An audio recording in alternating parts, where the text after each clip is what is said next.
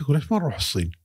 الصين؟ ما كانت الصين يعني ما لها وجود بذاك الوقت يعني. لها وجود okay كدولة عظمى و إلى آخره okay على بس كتصنيع للحين. بس كتصنيع؟ لا. نعرف إنها مطرقة مسمار. غير هذا ما ما, ما فيها الصين. نروح السفارة وشوف الملحق التجاري. كان أقول له نبي نبي شنو عندكم مصانع سيارات؟ كان يعطيني خشة اوراق هالكثر قال حق قطهم عليه حتى بدون نفس. دور اللي ينفعك منهم وروح اخذه ومو كتالوجات. A4 على مكان التصوير ساحبينها وأعطوني إياها. جيت مكتبي كان شارع تونس. تصفح بهالأوراق. القى شكلها فلوري. والله عجبني. ما كان عندهم صالون. كان أغلبها كلها trucks. بعثنا بذاك الوقت فاكس حق الشركة هذه. يعني رد يمكن عقب عشرة أيام. داز اليوم عقب عشرة أيام يعني الرد. بما معناه يعني في إيجابية بالموضوع. يعني خلني أروح الصين. هذه بدايتي في الصين. شوف لها فلوري. أول تاجر على مستوى العالم طلعت السيارة الصينية أنا. وبكل فخر أقولها. إنزين رحنا الصين وصلت. بروحي. كان وقتها طاير على الكويتية. تخيل إحنا عليها ثلاثة. طيارة فاضية. كويت بكين هذا يعني؟ كويت بكين. اثنين أعضاء السفارة وأنا. فمن ضمن الأمور مساكين يقولون أنت إيش جايبك الصين؟ ما فيها شيء. أنا جاي حق مصنع كذا كذا.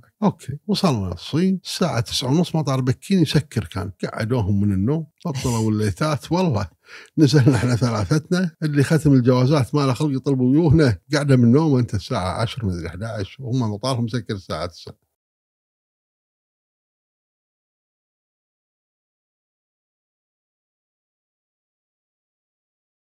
السلام عليكم. أنا محمد الزايد وهذه ديوانيه محفوف. بداية نشكر رعاة هذه الحلقة شركة سمارت لوكس أند هوم للاقفله الذكية شركة نسفة للأختر وشركة زل للقهوة العربية اللي موجودة بالكبسولات. يمكن هو فضول دائما اللي يحدد أو يبين لنا شنو الموضوع اللي نختاره من الضيف اللي نطلب بأنه يزورنا. إيه، فضول حاشنا إحنا ويمكن حتى المشاهدين يشاركونا هذا الفضول. إيه، سبب انتشار السيايير الصينية بشكل كبير في الشوارع الخارجية حاليا.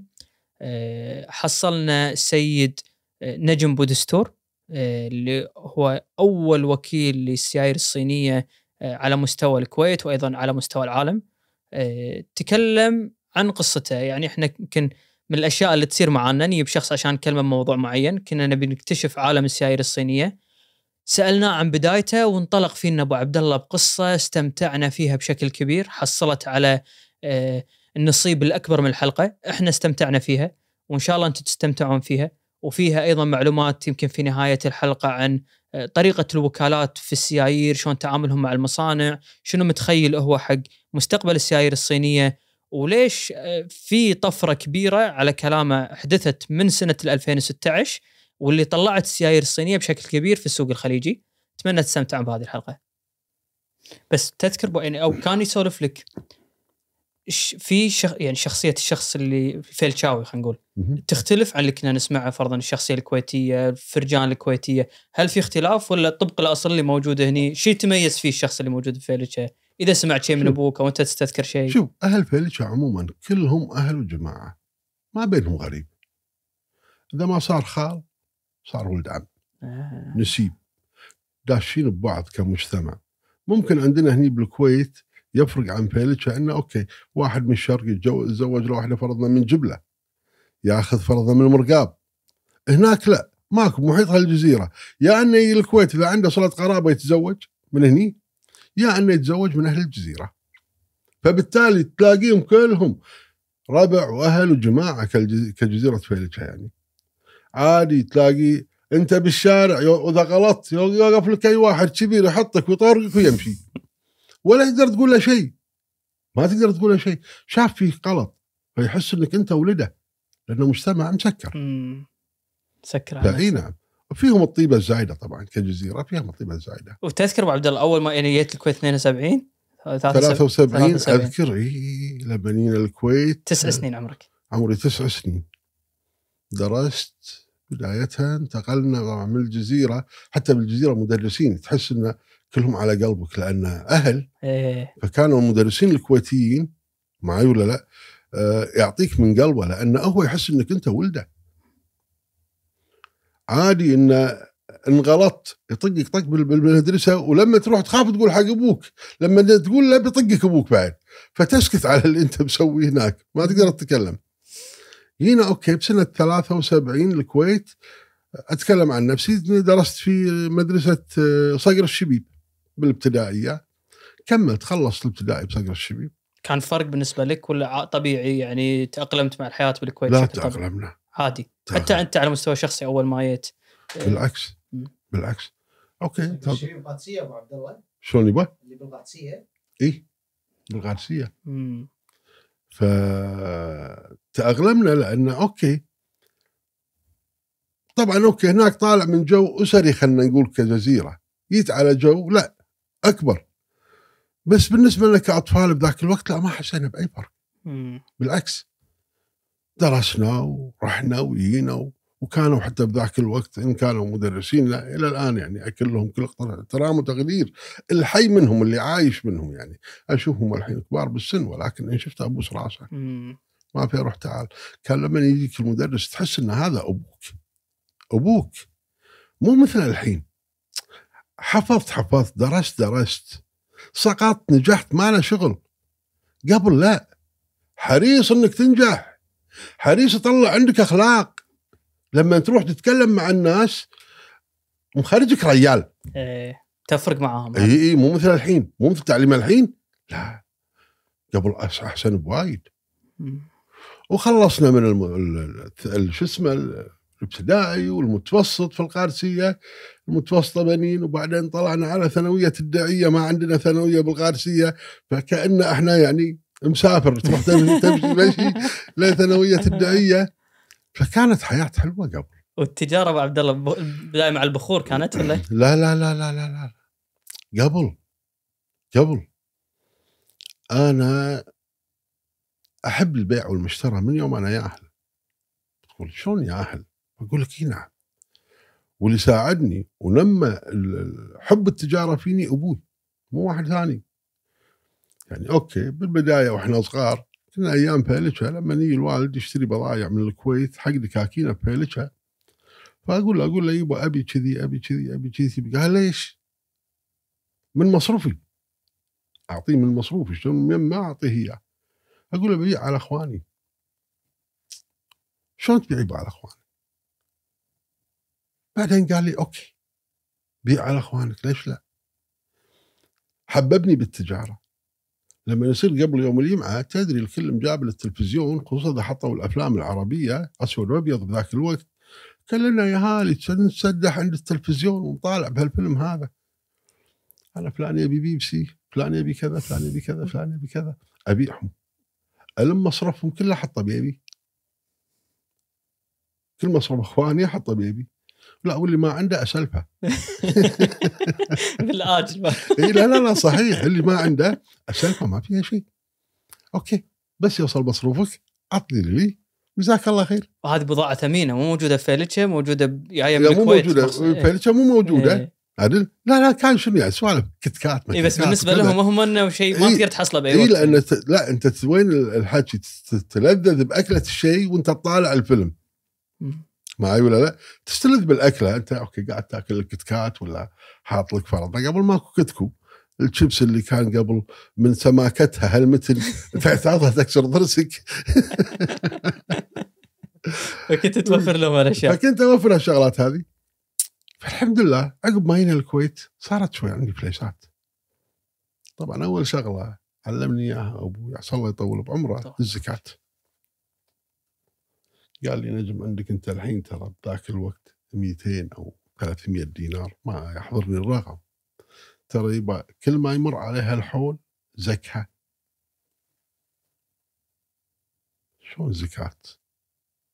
قال لي 2.5% عود نفسك.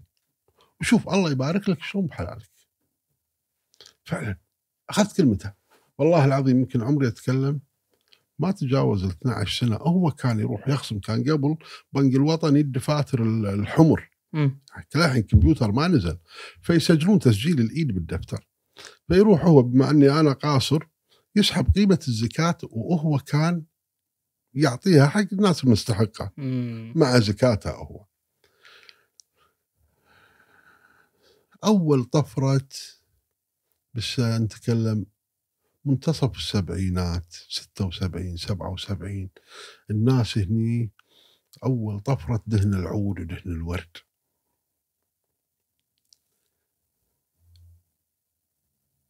عندي هالبنزين ما أدري أسوي فيهم.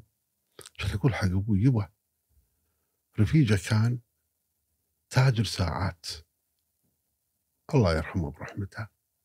قلت له أكلم عمي عبد الله. خليه يجيب لي معاه وهو جاي من البحرين. يقولون التولة بدينار عند سيد جنيد عالم. خليه يجيب لي 100 تولة دهن الورد و100 تولة دهن العود كان يقول لي بعد دراستك؟ قلت له لا ما عليك يبا على دراستك قال شلون بتبيعهم؟ قلت لا أبيعهم إن شاء الله. ما عرضني. يعني ذكرني ابو عبد الله عمرك مرة ثانية كم؟ يمكن 13 سنة ما طبت العمر هذا.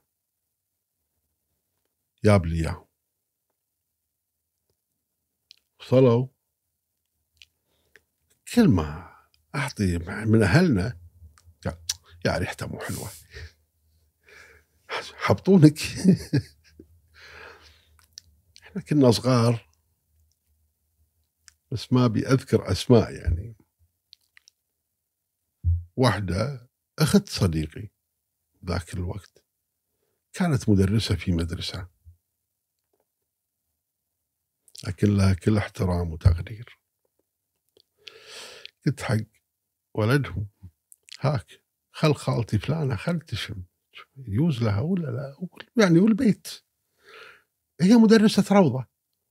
شمت. كان تقول له كم يبيعه؟ ومن يبيعه؟ كان يقول لها نايم طلعت نادتني. كان تقول لي شوف أنا بعمل معاك ديل. قلت لها شنو؟ كان انت كم تبيع التولة؟ قلت لها دينارين ونص خالتي. كان تقول إنزين أنت لك دينارين ونص مالك شغل باللي ابيعه أنا. إن شاء الله أبيعها بخمسة بستة بسبعة أنت مالك شغل. أوكي. مو مشكلة. أبي أبي أشتغل. كان تقول بشتري منك الحين تولتين بتولتين بذاك الوقت. والله تحاسبني عشر دنانير. هي شاطرة. ودتهم المدرسة معاها كان تضرب. لعبة حظ. هي الحظ يجيك مره ها. يا تغتنم الفرصة وتطلع يا تروح من إيدك وخلاص. فهي ما شاء الله عليها راحت المدرسة عقب الدوام إحنا قاعدين نلعب يعني بالحوش عندهم ولا بيتنا ولا كذا كان بالحوش عندهم كانت تناديني. كانت تقول إيش كثر عندك؟ إحنا خاف أقول لها عندي وايد. وتقول هذا طايحه بكبده. كان أقول لها عندي 30 ب 30 بس إذا تبين زود أيوه. أطلب. من وين؟ لا لا هذا ما أسرار المهنة. إي والله. الله خير. كانت تقول لي زين جيب ال 30 كلهم؟ 30 ب 30 لا ما أنسى هالأمور. فعلا خذتهم. ثاني يوم ما اعطتني يا محفوظ السلامة بحدود ال 200 دينار. كنت عندك بعد؟ لها اي عطني هالكثر. وأعطيها. خلصت. كان أقول حق أبوي يبا صار عندي فلوس وايد. أنت تتكلم 500 دينار بالنسبة لي okay يعني طالب بالمتوسط وبالسبعينات إحنا إيه، نتكلم بالسبعينات. يعني هم إيه، قيمتها إيه. أكبر يعني اي يعني تتكلم أنت بذاك الوقت القسيمة بسلوى ب 2000 دينار قسيمة إلا بعد اي درهم. اي إي والله قسايم كانت بسلوى بالسبعينات وبالأندلس بالأندلس على 1000 مم. أنا عندي 500 مم. كان أقول المايك بس لا توخر عنا دير بالك إيه okay تسلم إنزين كان أقول حق الوالد يبا بعد أبي 200 200 قال لي يا نيم قلت له أنت ما عليك. أنا الحين فلوسي طلعت. بس أبي 200 200 وابيعهم كان أقول لها إيش رأيك خالتي؟ أجيب شغلات ثانية. مثل شنو؟ مجموعة وفل وما أعرف إيش. أوكي مو غلط. والله وهيب واشتغلنا شغل عدل يعني. يعني صار عندي أتكلم ما أعتقد أقل من 2500 3000 خلال فترة موسم دراسي ها؟ ما شاء الله. هي تتطور. يعني ما ما قامت تجيب راسي سوالف دون العود والورد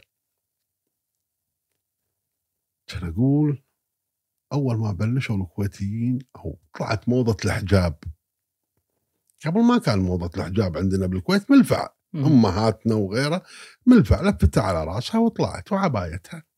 لا أول بداية الحجابات.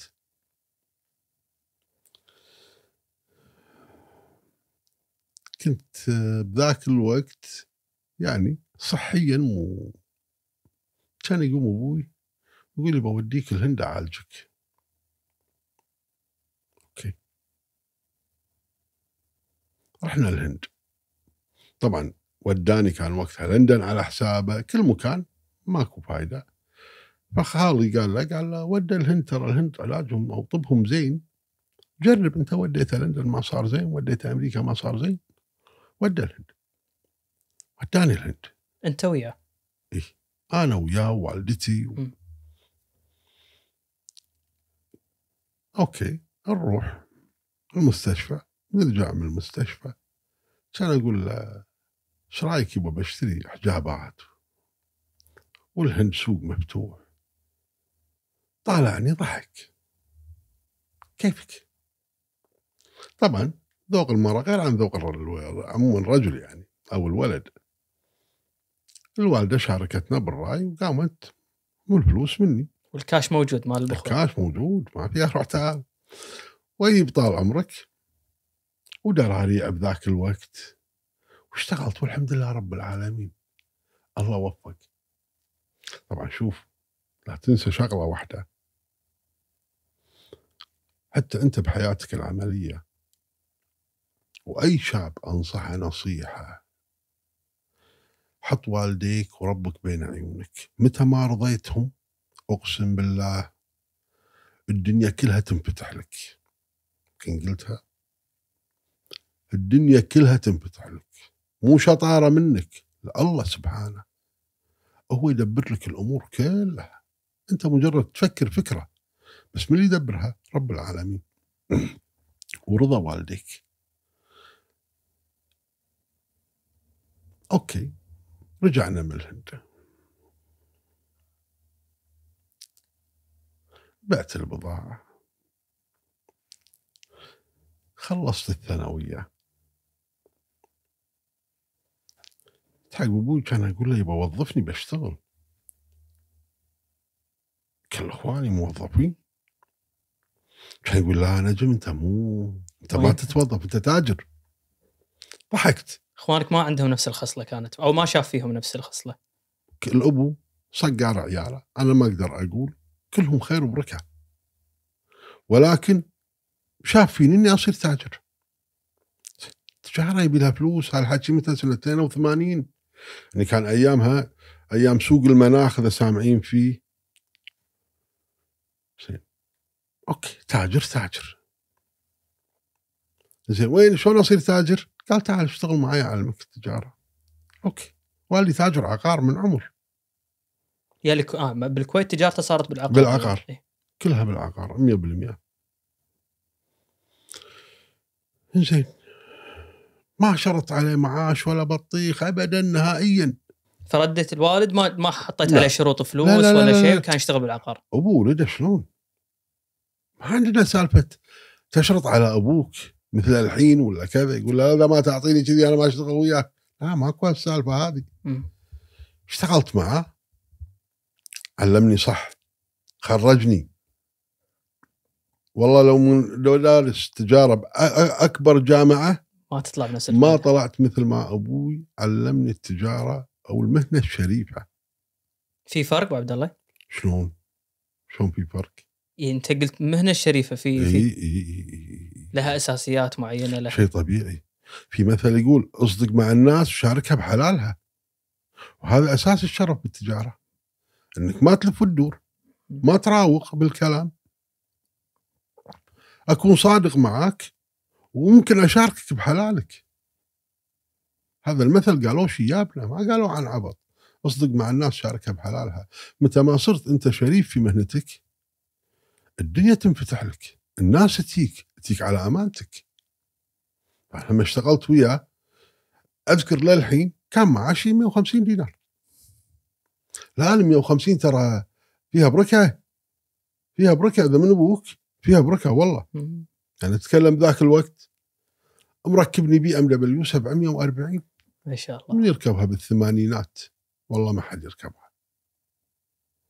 إنزين ال 150 طبعا أنا أدخن بس أبوي ما يدري عني إني أدخن. إلى إلى اللحظة هذه تمام ولا لا؟ ترى أبوي ما- شاف عمره لا مو بيدي أنا السيجاره حتى بيد أخوي الكبير عمره 70 سنة. ما شاء الله. عمرنا يسمع من الناس ما يصدقهم عياله ما يدخنون. ف okay بالنسبة لي 150 سجايري قاعد واكل وشارب معاه بالبيت سيارتي منه اللهم البنزين وان طلعت مع ربعي بال weekend عشاء okay إيش بتصرف؟ فكنت أصرف من ال 150 على حلال أبوي. يعني عنده عمارة فيها شقة بيلر خربان بدلة ب 10 دنانير لو 15 دينار حنفية بدلتها من هال 150 الله مبارك فيها. واذا بعت له بيعة من حلالة كان يعطيني الله خير إدلالة مم. يعني بعت له عمارة عطاني. وكنت أداوم حتى الجمعة بذاك الوقت يعني علمني شغلة واحدة على حب العمل. مو تقول عند أبوك تداوم على كيفك، لا أنت الساعة ثمان جاي المكتب. الساعة واحدة تطلع. الساعة أربع قبلي أنا تكون موجود مرة ثانية ها؟ موجود يعني شفت مثل شفت العصر مرة ثانية شلون عيل؟ الساعة 9 تطلع تروح بيتكم. هذا نظامه، ما عنده شيء ثاني غير. وانت مطبق عبد الله لليوم صح؟ يعني من على الاقل اللي أنا شفته أنا؟ لا. أنا صكيت على كلامه. أنا قمت اسحبها سحبه ألحس لقمتي بالبيت أتغدى وأطلع أرجع مرة ثانية. يوم كنت معه. صيف حر يبا شيبك انت اقعد بالبيت. تعال الساعة 4 لا يبا البيت شو أسوي؟ كل العالم مسكرة. أقول له الله يجيب النصيب. وفعلا بعت بيعات على ناس ما أعرفها ولا تعرفني والله. بس أنت اللي موجود. فترة الظهيرة أو يوم الجمعة. حتى يوم الجمعة كنت أفتح أقعد. يعني جمعة جمعة من الجمع وأنا أول بداية عملي آه الله يرحمه برحمته دق علي دلال كان يقول لي عندكم عمارة بميدان حولي حق أبوك موجودة ولا بعتوها؟ قلت له موجودة. لا خاطر الوالد يبيع تلاقيه لا خاطر. ما لا ما أدري عن أبوي يبيعها ولا لا. كان يقول عندي واحد الحين يبي يطلع اليوم يشوف ويخلص يوم الجمعة. علينا يمكن قبل المغرب. قلت له إن شاء الله خير. دقيت على أبوي. قلت له يبا في عندي واحد بطلع على عماره ميدان حولي. لو بتخلص شنو ببالك يبا؟ كان يقول لي يبا أبيها ب 300 310 بذاك الوقت. قلت له خير إن شاء الله. دقيت على الدلال. للحين يحضرني اسمه رحمة الله عليه. قال إبراهيم المشيمي. قلت له عمي كذا كذا الموضوع. يلا تعال لي الحين. أو أمرك البيت. قال له أنا أمرك بالدروازة ونطلع يمين okay أنا اللي قاعد بمكتب أبوي دراسه عبد الرزاق. هذا اللي جايني. ركبت سيارته رحنا حق رحمة الله عليه. قال له سعود النفيسي. بشويخ بيته ريال كبير. ذاك الوقت ريال كبير يعني. في بال 77 78 فقاعد أسولف وياه. الريال مثل اللي شد كلامي بذاك الوقت. وإحنا بالطريق كان يبلي بعمرك أنت الحين؟ قاعد يلعب ويطلع مع ربعة وأنت يوم الجمعة شغال. كان أقول له عمي أنا الحمد لله أحب الشغل. مثل ما تقول اللي يبي يشجعني. شاف العمارة يازت له كان يقول لي كم تبون فيها؟ قلت له والله الوالد طالب 330 قال تو يقول لي الدلال 310 قلت له والله الوالد كلمته قال لي 330 الله خير كان يقول أستاهل عشرة تطيح ولا ما أستاهل؟ قلت لازم أراجع. قال لا لا تراجع دام أبوك حاطك معناته مع- معطيك الخيط والمخيط. استاهل ما استاهل؟ كان أقول له الله يبارك لك عمي بس شوف إذا أبوي زعل علي أنت تراضيه الله خير قال لي أبشر. وفعلا دقيت على أبوي تليفون طيب ما أعرف أكتب البيعة. تجيني كان يقول لي كم بعت؟ قلت 320 قلت كفو. إي والله. المراد كتبنا البيعه وكل شيء قد دفتر المبايعة و- ورحت حق رحمة الله عليه انت يا النفيسي 20 انت هني أبو عبد الله عش- عمرك 20 21 يعني؟ لا ما وصلت شاء الله. 19 ووقع البيعة الله خير. يكتب لي شيك بمئة ألف دينار عربون على ما نحول العقار باسمه. بموجب شيك مصدق. طيب والله شيك حق أبوي وأعطيه إياه. الله خير كان يقول لي إيش تبي من البيعة هذه؟ مربحة عشرة آلاف. كان أقول له بسلامتك ما أبي أبي رضاك بس. كان يقول لي لك دلالة عندي غير دلالتك من البايع من المشتري. طبعا دلالة على المشتري. طبعا معي دلال ثاني. فأوكي طلعت دلالتها 3100 دينار. صاحبي أخذ 1550 وأنا 1550 يا أبوي كان يقول يعطيني 3000 قلت له لا يبا ما أبي. مني ومني قلت له خلاص ألف تكفيني والحمد لله. لا صار معاي شغل زين. أبيع تدخل علي فلوس. ذاك اليوم ما أدري شلون يعني واحد كان يقول لي ليش ما تفتح شركة؟ افتح شركة شركة شنو؟ شركة شنو يعني؟ كان يقول لي تكييف والناس هابة بالتكييف المركزي وبالشغل. وما في شركات وايد صيانة تكييف ولا تركيب يعني كانوا معدولين على الاصابع بالثمانينات شلون أقول حق أبوي أنا بطلع كبيرة فعلا كبيرة السالفة يعني أوكي أنت تشوف طموحك أعلى من الشيء اللي أنت فيه وتبي ترضي أبوك شلون؟ جيته الظهر قبل لا ينام تغدى قاعد ايته قلت له يبا بطلبك طلب إيش لي منك؟ كان يقعدون الثنتين شو اللي تبي؟ قلت له بفتح شركة. أنا توقعت يمكن يهاوشني. أنا قاعد أشتغل معاه. فجأة بطلع منه. كان يقول لي الله يرزقك. عندك فلوس ولا تبي؟ قلت له الحمد لله عندي. أكيد؟ قلت له والله أكيد. بس ها ما أطلع منك إلا قلبك راضي علي ترى. إذا أنت مو راضي أنا ما أطلع. روح قلبي وربي راضين عليك. قلت له ترى يبا أنا اجيك أخلص شغلك شنو عندك شغل تبيني؟ مراجعات بالحكومة غيرها أنا اجيك أخلص شغلك. بعنا أي بيعة أنا أروح أخلص لك معاملاتها من البلديه ما بلدية والأمور هذه كلها. الله خير. كلمة بارك الله فيك. بس اللي خلق هالعلاقة ابو عبد الله؟ بينك يعني علاقة الاحترام هذه اللي ما كنت تحاتي هل أنا ممكن أخسر؟ كثر ما ممكن أخسر آه، علاقتي بأبوي أو زعل أبوي بس بالنسبة لي يعتبر خط أحمر، شو اللي شو اللي بنى هالعلاقة بينك وبين الوالد؟ شوف أبوي أنا لما اشتغلت معه أو قبل لا أشتغل معه كان طموحه. إنه طبعا كل ابو يبي عياله يصيرون مثل التجار معي ولا لا؟ فكان طموحه يمكن إني أصير مثله. بيوم من الأيام. فبالتالي ما يبي يوقف قدامي بأي شيء أقوله. بس دائما يحذرني.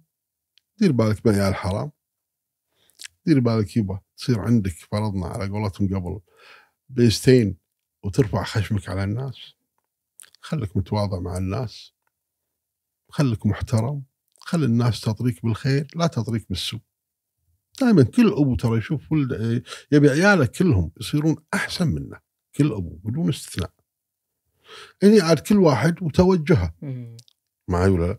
فرضنا أنا توجهي تجارة غير توجهه فرضنا يبي يصير لنفترض شيء ثاني بوظيفه ثانية. كل واحد وله. مع العلم في من إخواني هم تجار بعد. ما أقول لك بس أنا لا في منهم تجار. عزمت بشركة التكييف تكييف. اشتغلت.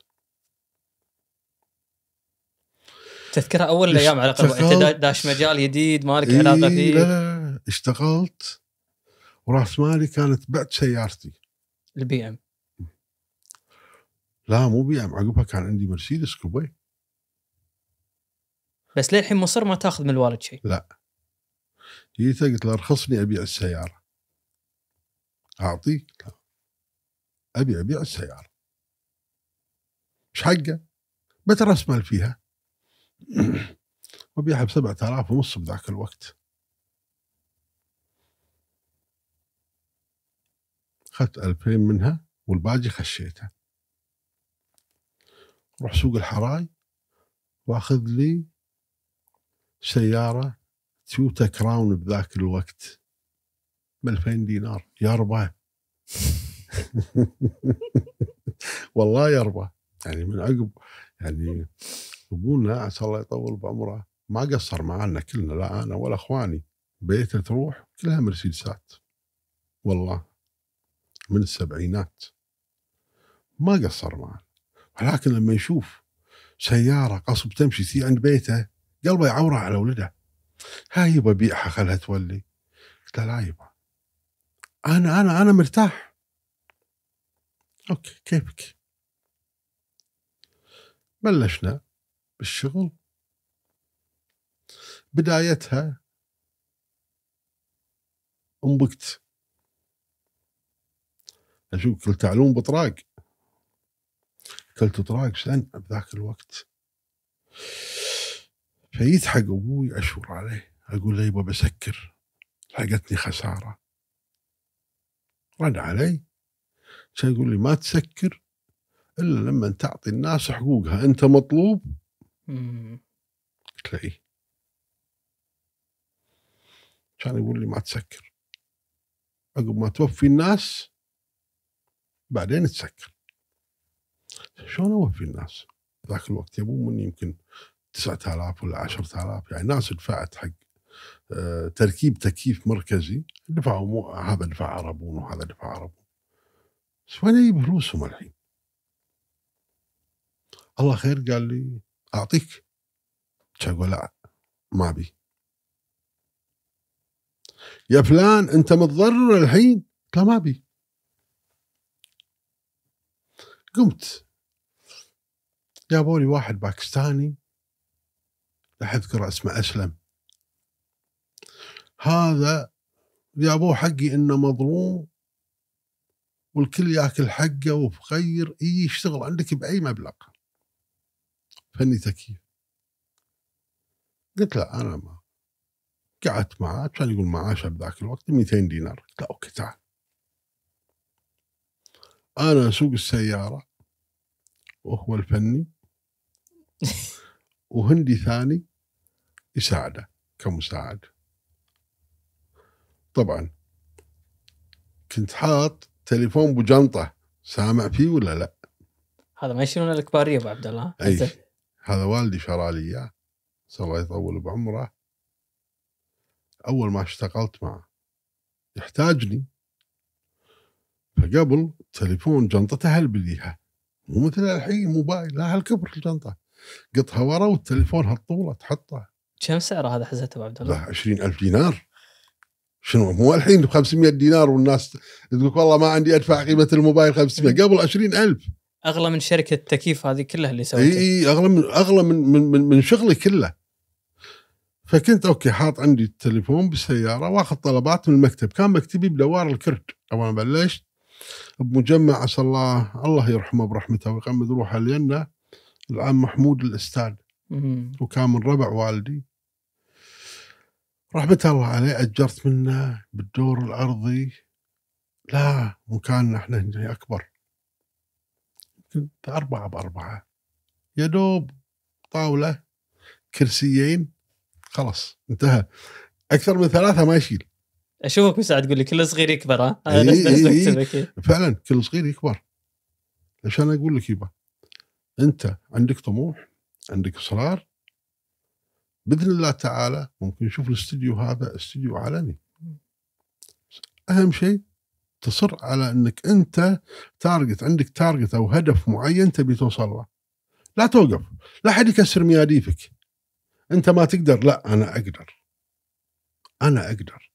وهذه كان أنا عندي هذه الحكمة يعني إني أنا أقدر.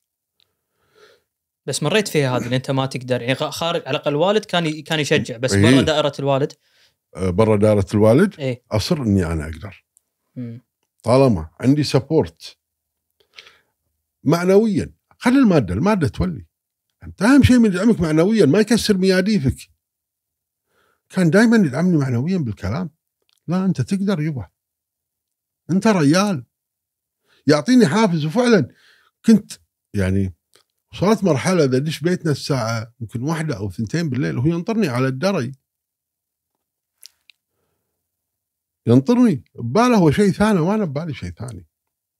هو خايف ان أنا والله رحت بزاوية ثانية مع شلة مصبنة ويعني متأخر بالليل.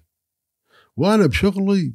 اجيله والله يلمني آه، شلون شغلك اليوم؟ حطي لي بخباتي اطلع له 500 دينار اطلع له 1000 دينار.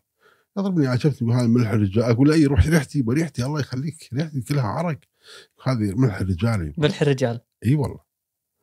فشوي شوي سددت التزاماتي. أنت. وأسلم معاك بالمكتب؟ اي اي كان أسلم.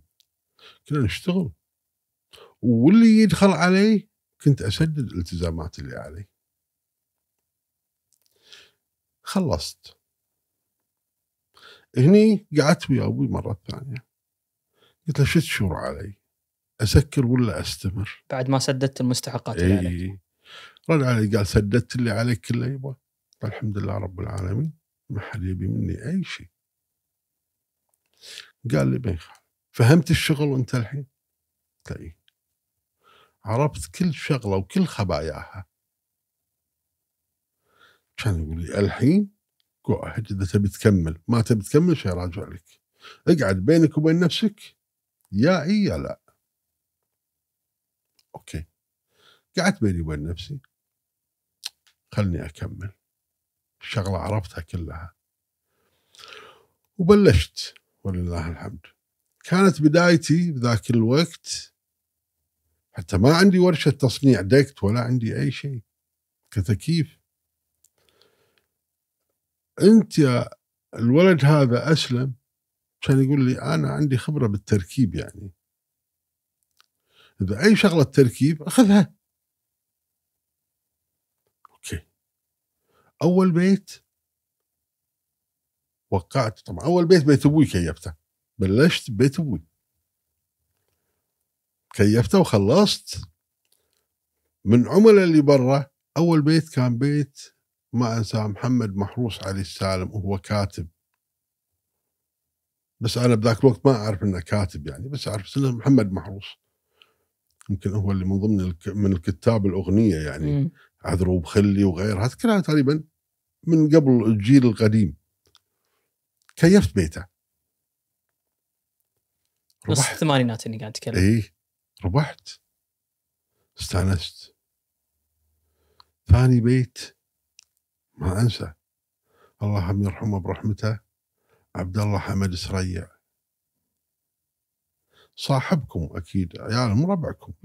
من ربع العيال وأكيد. من ربعكم. أبهاتهم للحين موجودين. عسى الله يعطيهم الصحة والعافية. فاشتغلت بناية حقة بسلوى. ما شاء الله. عقب هني لا انطلقت. رحت أسست لي مصنع حق الدكت. ما شاء الله. آه، التحق معنا ولد.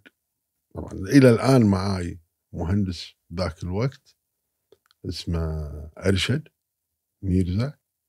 سنة 87 بلش شغل معاي. إنسان أمين ونظيف.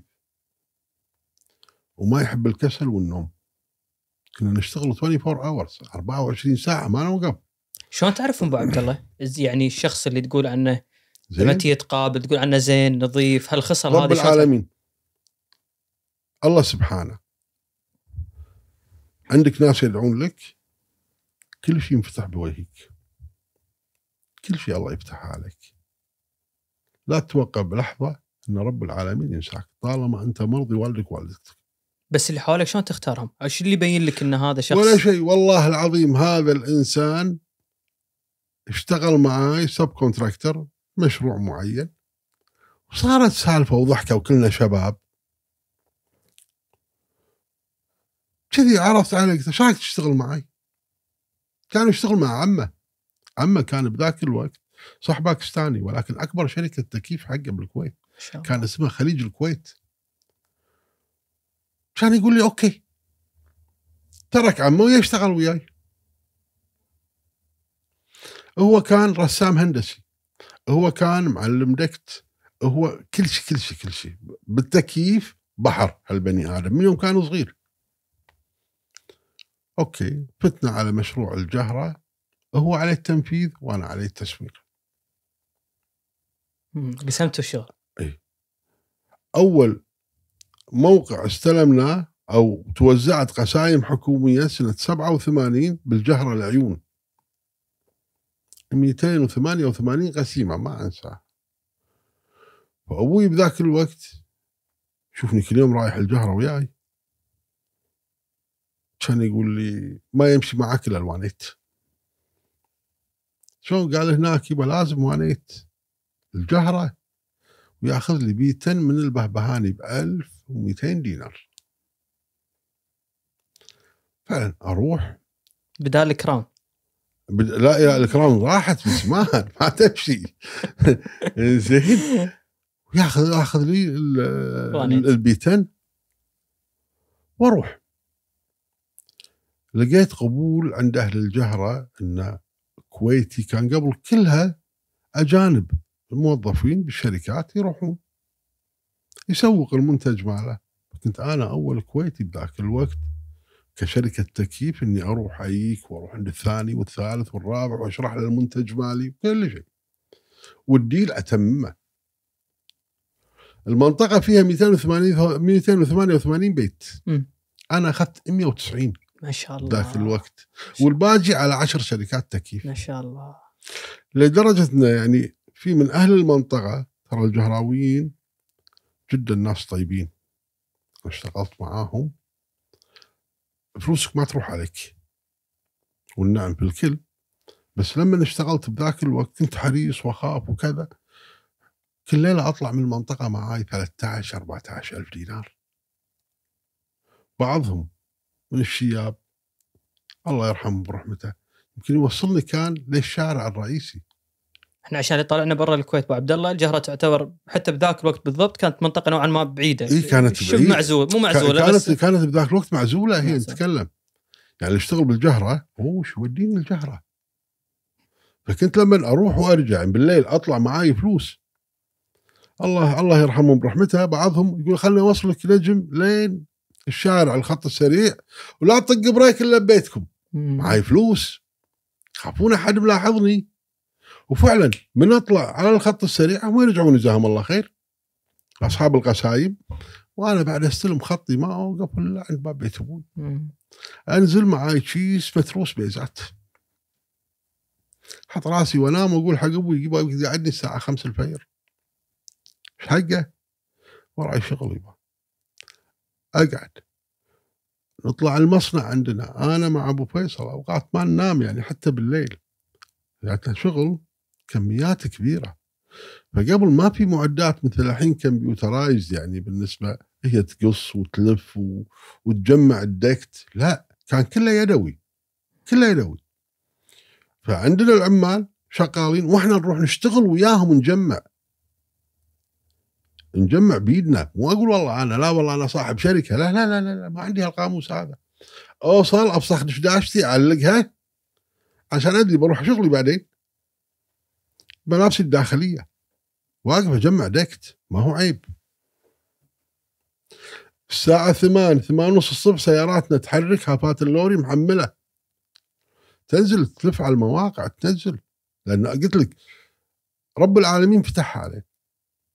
هذا بأواخر الثمانينات قبل الغزو. من كثر الشغل ما نلحق قمنا عليه. ما شاء الله. والله الحمد. بس هذا اللي أعطاك الأفضلية أبو عبد الله. أنا في شخص كويتي ومو حاط نفسه بمرتبه هذه اللي أنا المعذب ما أنزل تحت. لا لا ما عندنا هالشيء هذا. هالشيء مو موجود بقاموسي نهائيا إن أنا والله أنا كويتي ولا أنا صاحب شركة أنا ما أشتغل. لا أنا أشتغل بايدي أنا أشتغل بايدي أنا يوم الجمعة اللي هو الجمعة أوقات ندخل على عمارة كاملة بيوم واحد بيومها اشطبها دكت بيومها ست أدوار كان ذاك الوقت قانون البلدية يسمح بست أدوار متكررة. ننزل أنا مع الستاف ومعاي طبعا صاحبنا أبو فيصل مهندس ارشد ننزل الصبح. وقت الغداء أروح أجيب لهم غداء وأتغدى وياهم. ما يصير الله أكبر يقول المغرب إحنا طالعين مشطبين الموقع العمارة. من ضمن العمارات اللي يعني شطبناها فعلا خلال يوم واحد كنت أشتغل قبل مع الله يذكره بالخير عبد العزيز مهلل ياسين. أخرتني ما أخرتني. قلت له عمي أنت توك اول امس موقع معك. متى تبيها؟ ترى يوم الجمعة أنزل يوم الجمعة أسلمك. قال لي مستحيل. قلت له مستحيل؟ ولا يهمك. بيني وبينك اتصال يوم السبت. ننزل الجمعة السبت أدق عليه أقول له عمي روح شوف بنايتك ترى خالصة. هذا هو موجود حي يرزق إلى الآن.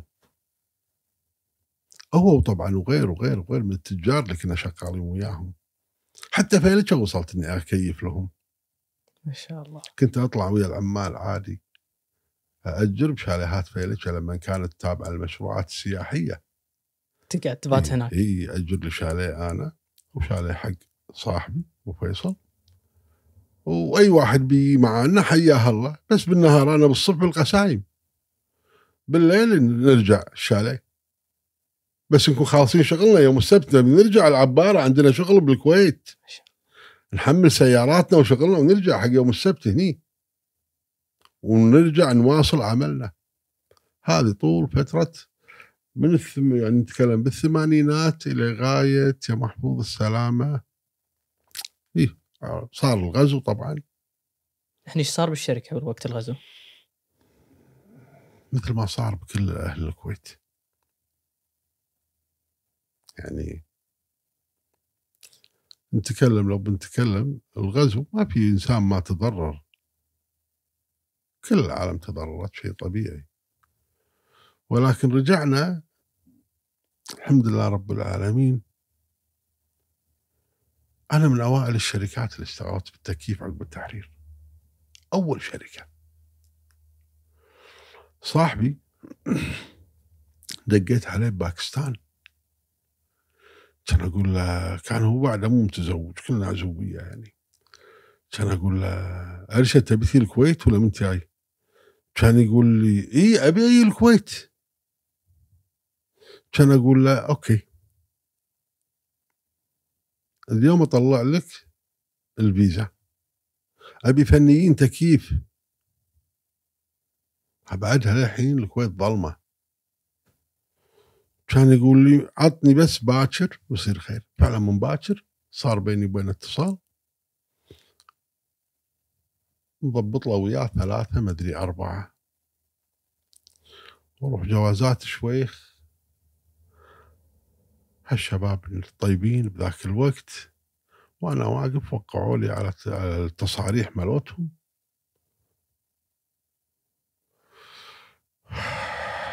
ما أذكر الآلية اللي طرشت فيها بذاك الوقت لأنه كان قبل تو الفاكس طالع. ما أذكر والله الآلية.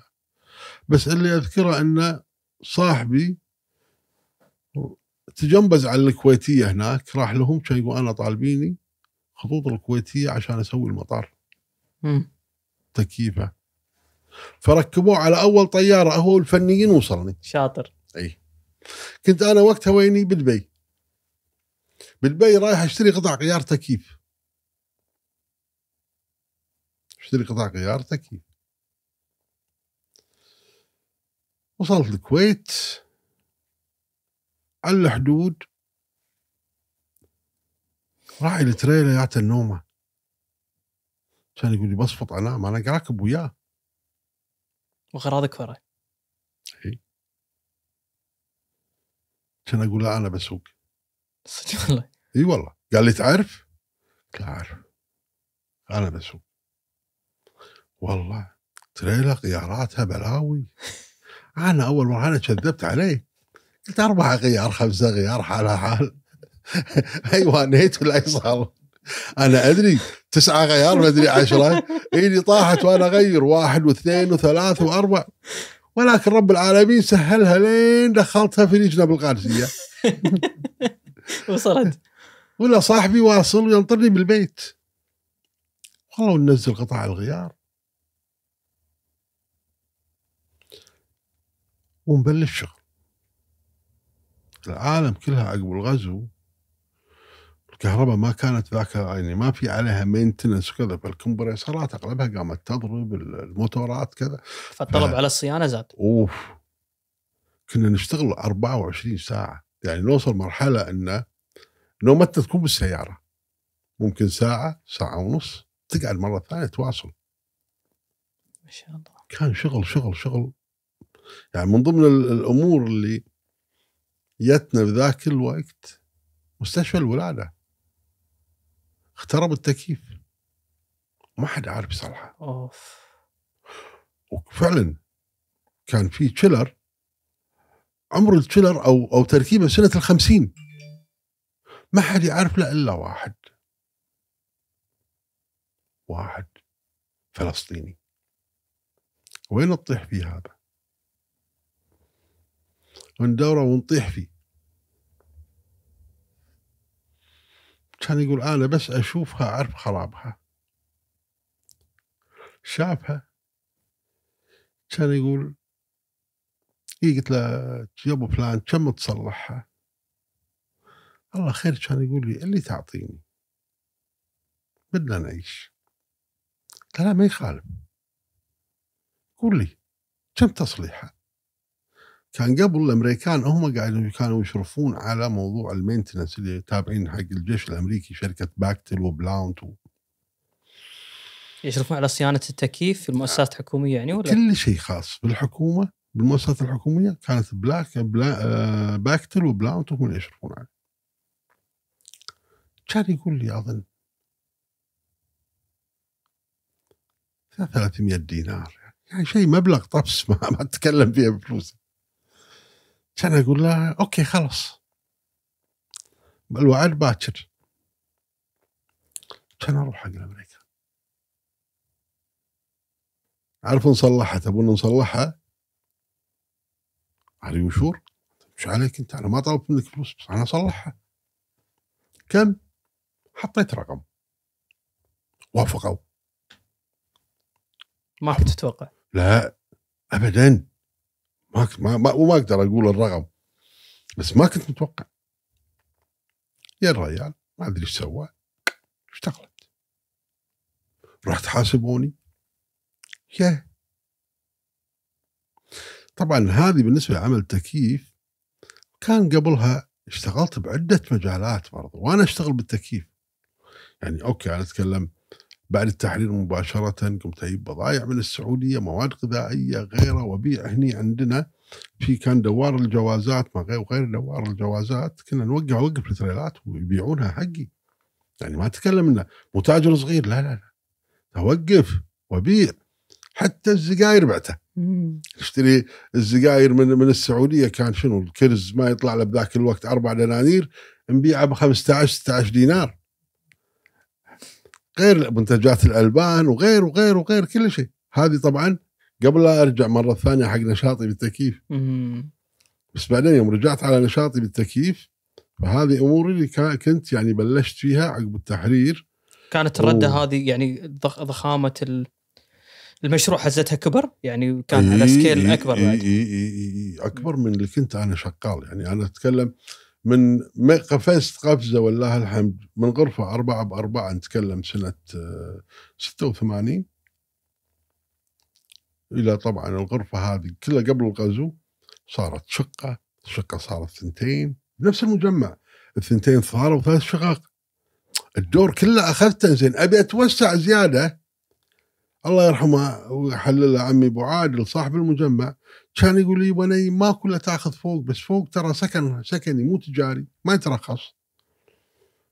كان أقول له عمي لا إذا ما يترخص ما أقدر.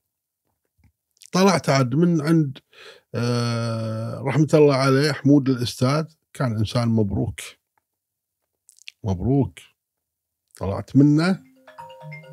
مو اللي هني عندنا بالمنصورة يا أبو عبد الله؟ لا حمود الأستاذ بالدعية.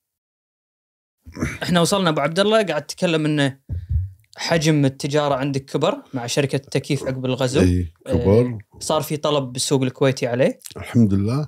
طبعا انفردنا بوكاله وقعناها بذاك الوقت أجهزة سنشري صيني آه، كانت كورية سنة 92 وانفردنا فيها يعني واشتغلنا بذاك الوقت شغل فيها جدا ممتاز. إلى غايه سنة ال 95 فكرت هني بمجال السيارات. إيش معنى؟ أحب السيارات. بس انت عندك business وماشي والله صح. فاتح عليك. صح. ولكن يعني عندي نظرة أن بيوم من الأيام ال business هذا راح يقل. راح تصير فيها منافسين وايد. آه ليش دخوله سهل أبو عبد الله ولا شو اللي يخليه مؤهل بان كثير من التجار يدشونه؟ لا دخولها سهل. يعني أي واحد آه أو مش أي واحد. قاموا الفنيين فنيين التكييف يفنش فرضنا من عندك يحط السندر على على كتفه ويطق البيبان ويعمل صيانة. فأوكي أي واحد ما بدل ما يجيب شركة يجيب الفني هذا أرخص. مع العلم هذا ممكن يعفس جهازك عليك. لأنه بيجيك اليوم باكر ما راح يجيك. فعادي يوصل direct ويقول لك أنا صلحت لك جهازك وانت فعلا تشوف الهواء بارد صلحه أقل من شركة. بس أنت ما تدري إنه هو شنو cancel من القطع وصل direct ومشى. وبالعكس ممكن الشركة لما تحط القطع تكلفتها تكون عالية عليك صح؟ بس هذا لا. هذا لغى لك نظام حماية لغى ل- لغى لك أنظمة كثيرة بال system. وصل direct عقب شهرين ثلاث compressor يضرب عندك موتور يضرب عندك وهو مو سائل. مم. اخذ ال 20 ولا 30 ومشى فكانت نظرتي انه أوكي السوق بيصير بيوم من الأيام محدود. وأنت تحب السيايير. وأنا أحب السيايير. أنا من صغري كنت أروح مع والدي والدي راعي جراجات بالجزيرة. فكنت أروح اذيهم اذيهم خصوصا بالعطلة. بس ما اذي أمي بالبيت تقول له اخذه وياك وده يوديني. فأحوس بين الميكانيكية بين الصباغين بين وبين حبيت الشغله بس أوكي يوم كبرت إنه ما في يعني كل الوكالات ممسوكة عند تجار وأنا توني طالع يعني ما. عندي مهندس فلسطيني بالشركة ذاك الوقت كان يقول لي ليش ما تشوف الصين؟ لا قبلها عفوا كنا في كوريا. بسنة ال 94 كان أقول آه، حق مصنع سنشري شنو عندكم سيارات كورية هني؟ غير هونداي وغير كيا. حزتها شنو سمعة الكوري؟ آه، كانت توها بادية يعني. كان يقول لي في عندنا ماركة ثالثة. إذا تحب نقدر نطلع لك details وأنا هناك. فطلعوا لي تليفون ال GM مالهم. وكلمته وأنا بالأوتيل. إذا أنت حاب وكذا وكذا إحنا حابين نأخذ وكالتكم مال الكويت من الكلام هذا. رحب بالاتصال بذاك الوقت. قلنا له نعطيك هدية إذا تخلص لنا الموضوع. قال أوكي تواعدنا عقب يومين ثلاث تقدمت شركة ثانية. وخذتها الله يسهل عليهم. ما رجعنا الكويت. أقول حق صاحبي أقول له ماكو وين نروح؟ أنا أبي أبي السيارات حاب السيارات. يقول ليش ما نروح الصين؟ الصين؟ ما كانت الصين يعني ما لها وجود بذاك الوقت يعني لها وجود أوكي كدولة عظمى و و إلى آخره أوكي على بس كتصنيع للحين بس كتصنيع لا. نعرف إنها مطرقة مسمار. غير هذا ما في ما, فيها الصين نروح السفارة. وشوف الملحق التجاري. كان أقول له نبي نبي شنو عندكم مصانع سيارات؟ كان يعطيني خيشه اوراق هالكثر قال حق. قطهم علي حتى بدون نفس. دور اللي ينفعك منهم وروح اخذها ومو كتالوجات. اي 4 على المكان التصوير ساحبينها وأعطوني إياها. جيت مكتبي كان. شارع تونس. وتصفح بهالأوراق. والقى شكلها فلوري والله عجبني. ما كان عندهم صالون. كان أغلبها كلها trucks بعثنا بذاك الوقت فاكس. حق الشركة هذه. يعني رد. يمكن عقب عشرة أيام. لازم اليوم. عقب عشرة أيام يعني الرد. بما معناه يعني في إيجابية بالموضوع. طيب خلني أروح الصين. هذه بدايتي ويا الصين. شوف لها فلوري. أول تاجر على مستوى العالم طلعت السيارة الصينية أنا. وبكل فخر أقولها. انزين. رحنا الصين وصلت بروحي. كان وقتها طاير على الكويتية تخيل إحنا عليها ثلاثة. طيارة فاضية. كويت بكين هذا يعني؟ كويت بكين. اثنين أعضاء السفارة وأنا. فمن ضمن الأمور مساكين يقولون أنت إيش جايبك الصين؟ ما فيها شيء. أنا جاي حق مصنع كذا كذا كذا. أوكي وصلنا الصين. الساعة تسعة ونص مطار بكين يسكر كان. قعدوهم من النوم. بطلوا الليتات. والله نزلنا إحنا ثلاثتنا. اللي ختم الجوازات ما له خلق يطلبوا ويوهنا. قاعدة من النوم انت الساعة 10 مدري 11 وهم مطارهم مسكر الساعة 9 طق جوازاتنا ما ما, ما يدري هذا مكتوب بالعربي بالإنجليزي.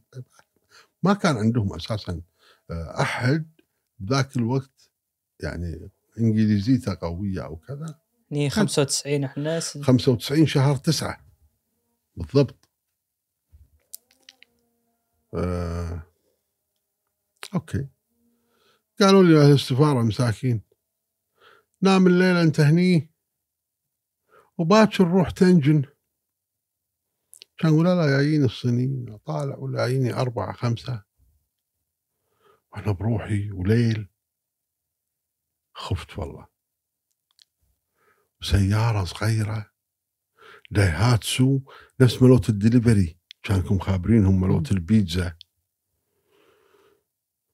شلون بنركب إحنا خمسة فيها؟ صعبة. إحنا متعود على مواترنا هني. الموتر طوله 20 متر. والله لين بركب سيارة دايهاتسو. يلا وركبنا يلا مو مشكلة. واحد على يميني واحد على يساري حطوني أنا بالنص. زين كان خليتوني عند الباب؟ والله على الآخر تدري القعدة بالنص بالسيارة تشق الواحد نصين؟ يتعب. أنا خلوني بالنص. أنا قدام. خوش احترام بدل ما أقعد قدام. إنزين. بس أنت والصينيين أبو عبد الله ما معك أحد من لا الكويت لا لا لا لا, لا, لا عليك. بروحي. بروحي. الله الصين 95 إيه. يعني يتكلمون انجليزي لا. ماكو إنجليزي. ابدا إشارة. والله إشارة. أبي بس أوصل الفندق. في أمور ما أحب أتكلم فيها بس أبي أوصل الفندق. حاجز لي بالشيراتون ذاك الوقت. شيراتون يعني المفروض يكون شيراتون لو بتصنفه بالتص- بالتص- بالتصنيف الفندقي star one star. وهو five star. وكان رايح شغل بقضي شغلي الحين أنا بقى. رايح أكشخ. أبي أخلص شغلي وأرجع الكويت. ابو عبد الله عليك. بس تقربه كذي اخاف يغطي على وجهك. بس جيت تنسلس. كذي؟ إي تقربه بعد. بس تمام. الصوت تمام إذا عندك لأنه اخاف يغطي على وجهك بس بالكاميرا توكل. زين الصبح يوني. رحنا المصنع. ولا مصنع رهيب. بلية. دشيت. على المدير العود مالهم ولا قاعد يلعب شطرنج وواحد قدامه. ويهذرون بالصيني. زين أنا شلون أفهم عليهم هذيل يعني وتهاوشون من الغالب. قاعد يسوي لي يقعد قعدت الثاني يقعد يقعد عقب نص ساعة اللي ترجم. ما أدري من وين يابوه انزين. ترجم له. ترجم لي. راوني خطوط الإنتاج. طبعا أنا قبلها قلت حق أبوي. قلت له يبا في وكالة سيارات معروضة علي وكذا. وبروح أشوفها. قال لي يبا خليك. على شغلك. خلها عنك تولي. قال لا أنا إلا إلا أخذ الوكالة. زين. إلا أخذ الوكالة. أخذت الوكالة. بس كنت شايف فرصة أبو عبد الله بأن فرضا تكلفتهم أرخص فدشتها السوق الكويتي أحسن. إيه، كانت تكلفه تتكلم السيارة يعني بذاك الوقت مو الحين. يعني شحنها أغلى منها. بس ما أدري الجودة شنو هي ال quality مالت السيارة. أنا أشوف trucks طوله 7 متر. بس quality wise ما أدري. بس مبدئيا كشكل مصنع إيه. يعني أرضاك. نعم. وأعمل أوردر أعتقد أول أوردر ممكن كمية كبيرة. فوق ال 400 500 سيارة. ما شاء الله. اي جيت الكويت فتحت الاعتمادات حقهم. كان أقول حق أبوي أبي قسيمة صناعية حق معرض. الوالد شوي. عصب علي. كان يقول لي أخذ لك عمارات أحسن لك من القسيمة الصناعية. قلت له يخالف أنا الحين وين أعرض السيارات؟ وين أبيعها؟ ما أقدر أعرضها عندي بحولي. لازم أعرضها أكون بين الوكالات على الأقل. ودق على مساعد العبدلي كان شغل صيانة تكييف هم عندنا بذاك الوقت. كان أقول له مساعد خبري الوالد عنده قسيمة صناعية إجبال حراج السيارات. مالكم خاطر تأجرونها؟ أنا ببالي أجار. كان يقول لي الله خير خل أشوف الوالد وأعطيك خبر. خير. شاف أبوه رحمة الله عليه. كان يقول له أنا أبي أبيع ما أجر. مساحتها 4000 كان أقول له كم لكم خاطر؟ كان يقول والله سايمها الحساوي منه 340 ألف ذاك الوقت. افرق السوم تاخذ اي زين جيت قلت حق أبوي واحد اثنين ثلاث كان يقول لي أبوي تدري 340 قيمة عمارتين بالسالمية؟ أنت تروح لغسيمة صناعية أملاك دولة؟ قلت له بس يبا أوكي هذه تأدي الغرض اللي أنا أبي أخذها عليه. صار بيني وبينه شوي نقاش حاد على الموضوع. بعدين قال لي الله خير كيفك؟ زين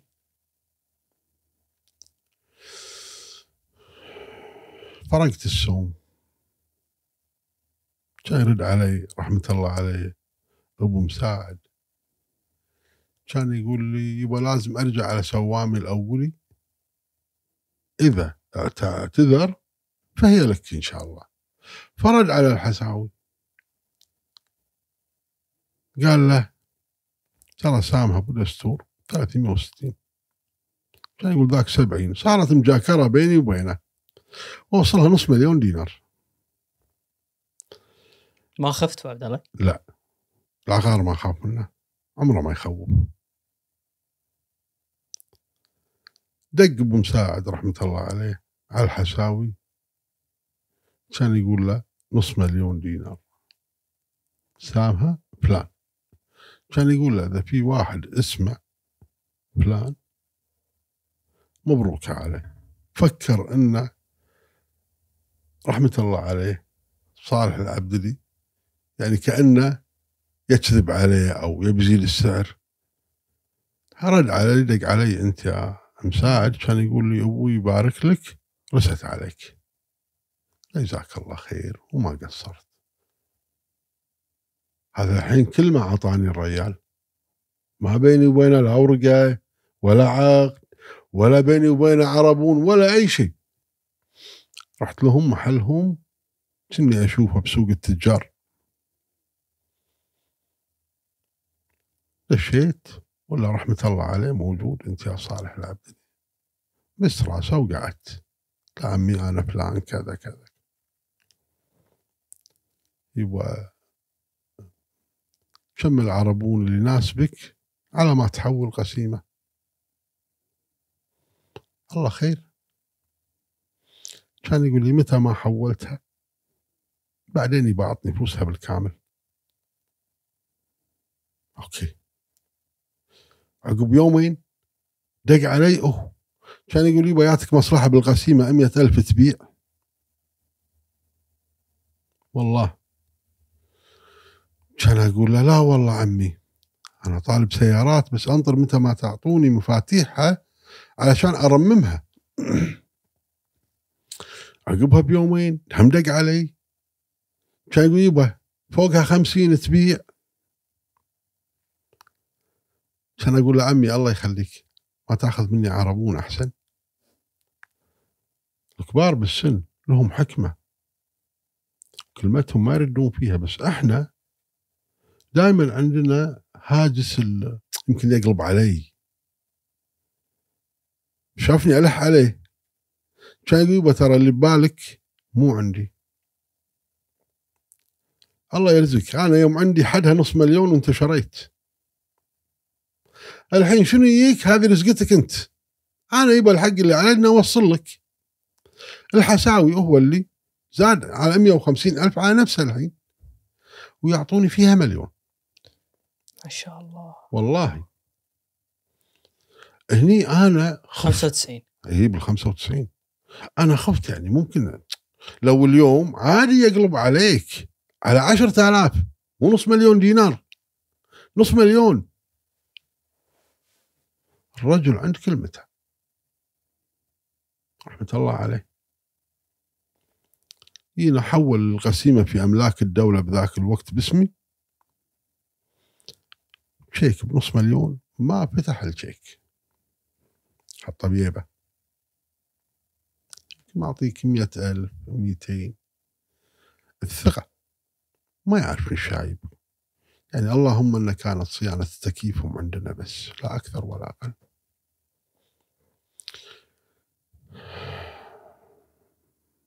اشتغلت بالقسيمة ترميم. ولا هذا اللي واقف كدلك. علينا ظهر أنا رابط الدشداشة على بطني ومفتر عشان ما أدوس على طرف الدشداشة وطابوق وسمير. هذا قال لي أنت فلان؟ قلت له إيه. كان يقول لي معك فلان الفلاني. قلت له نعم ريال كبير. قال لي بعطيتك أنا مصلحة قوية. لو بتشتغل خمس سنين ما تطلعها. ليش ما تبيع؟ قلت له والله شوف أخذتها من رجل طيب. حتى لو تعطيني مليونين ما أبيعها. فيها بركة. إي والله. وفعلا فيها بركة. النية. إذا تشتغل مع إنسان أو تشتري شغلة من إنسان راعي نية طيبة وما تغري الدنيا هذه هذه تجلب بسلعتها لا تدها. الله يبارك فيها. وفعلا الله طرح لي يعني اليوم اليوم أتكلم لو كسعر سوق ما بيعها بتسعة ب 10 مليون. اللي زرناك فيها أبو عبد الله؟ إي نعم. وبيوم من الأيام اندفع لي فيها أيام عز السوق. دفعت لي مبالغ فلكية. يعني يوم أنا هدمتها بسنة ال 2009 وعمرتها من جديد. جاني واحد من الدلال ومن أصدقائنا رحمة الله عليه. كان يقول لي وقف وقف أبو عبيد. قلت له شنو؟ كان يقول لي اليوم أنا عندي لك سعر فلكي. شنو؟ وتبيع. قال لي يلا بجيب دفتري أسجلها 20 مليون. من 2009 كان أقول له يلا قم قم ما أبيع. كان يقول لي سعر ما تحلم فيه. واحد من التجار الكبار. كان تو الافنيوز طالع والعقار كان مولع. يعني حتى اللي يشوفنا برا الكويت هي ال- الوايد قريبة من الافنيوز يمكن هذا حتى يعطيها قيمة أكبر. إي نعم. والله قلت له أبو حمد لا تكلمني عن بيع ولا لي خاطر بيعها. وسوامك قول له مشكور وما قصر ما لي خاطر بالبيع. فعلا مسلم فيها. فأوكي اشتغلت ورممتها وكذا وصلت السيارات من الصين. هني طامة الكبرى أنا يا قناطر يا تقول لي بعناهم بيوم يا. طامة الكبرى هنا حننزل من الباخرة. دق سلف معك شيء يشتغل؟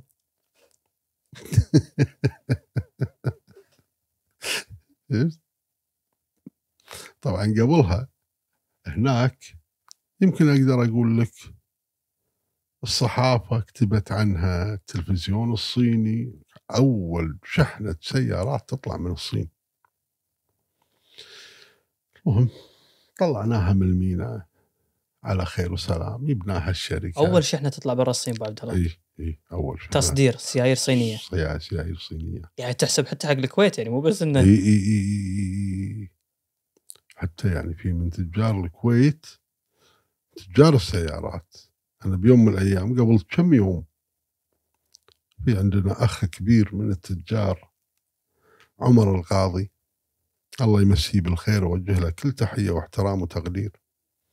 إحنا مشاركين بالاوتلاند الرجل هذا ما بيني وبينه علاقة ولكن رحت أزور ال stand مالهم. أنا ما أدري حتى إذا هو موجود ولا لا. فيعني سلم علي الله خير. كان يقول لي أنت أول من دخل السيارة الصينية بالكويت. الناس تفكر أنا يا عمر. أنا أقول لهم لا شيلوا حق دستور هو اللي أول من جابها الكويت. فوجه له كل احترام أقول له والله هذا من ذوقك ومن أخلاقك يا أبو سليمان. ولكن في بعض التجار يقول لا والله أنا فرضنا أو أي واحد ينسبها حقه. لا هي بال 95 أنا أول من دخل سيارات صينية بالكويت. بعناها بس قلت أول شيء دقيتهم سلف ما اشتغلوا. إي لا طلعناهم من المينا صلحناهم. زين. هم يدد وصلحناهم شنو حسيت فيه؟ احباط اي صدق أحباط يبا احباط لا تقول لي شنو حسيت فيه طراق يعني. يعني لو ضايع أكيد. تدري ليش؟ لأنه هذا اللي يقول لك اللي ما يطيع يضيع. أنا ما طعت أبوي. إيه. إي أنا الحين شنو اللي اللي يرن براسي؟ إني ما طعت أبوي. هذه جزات أبوي له. نظرة.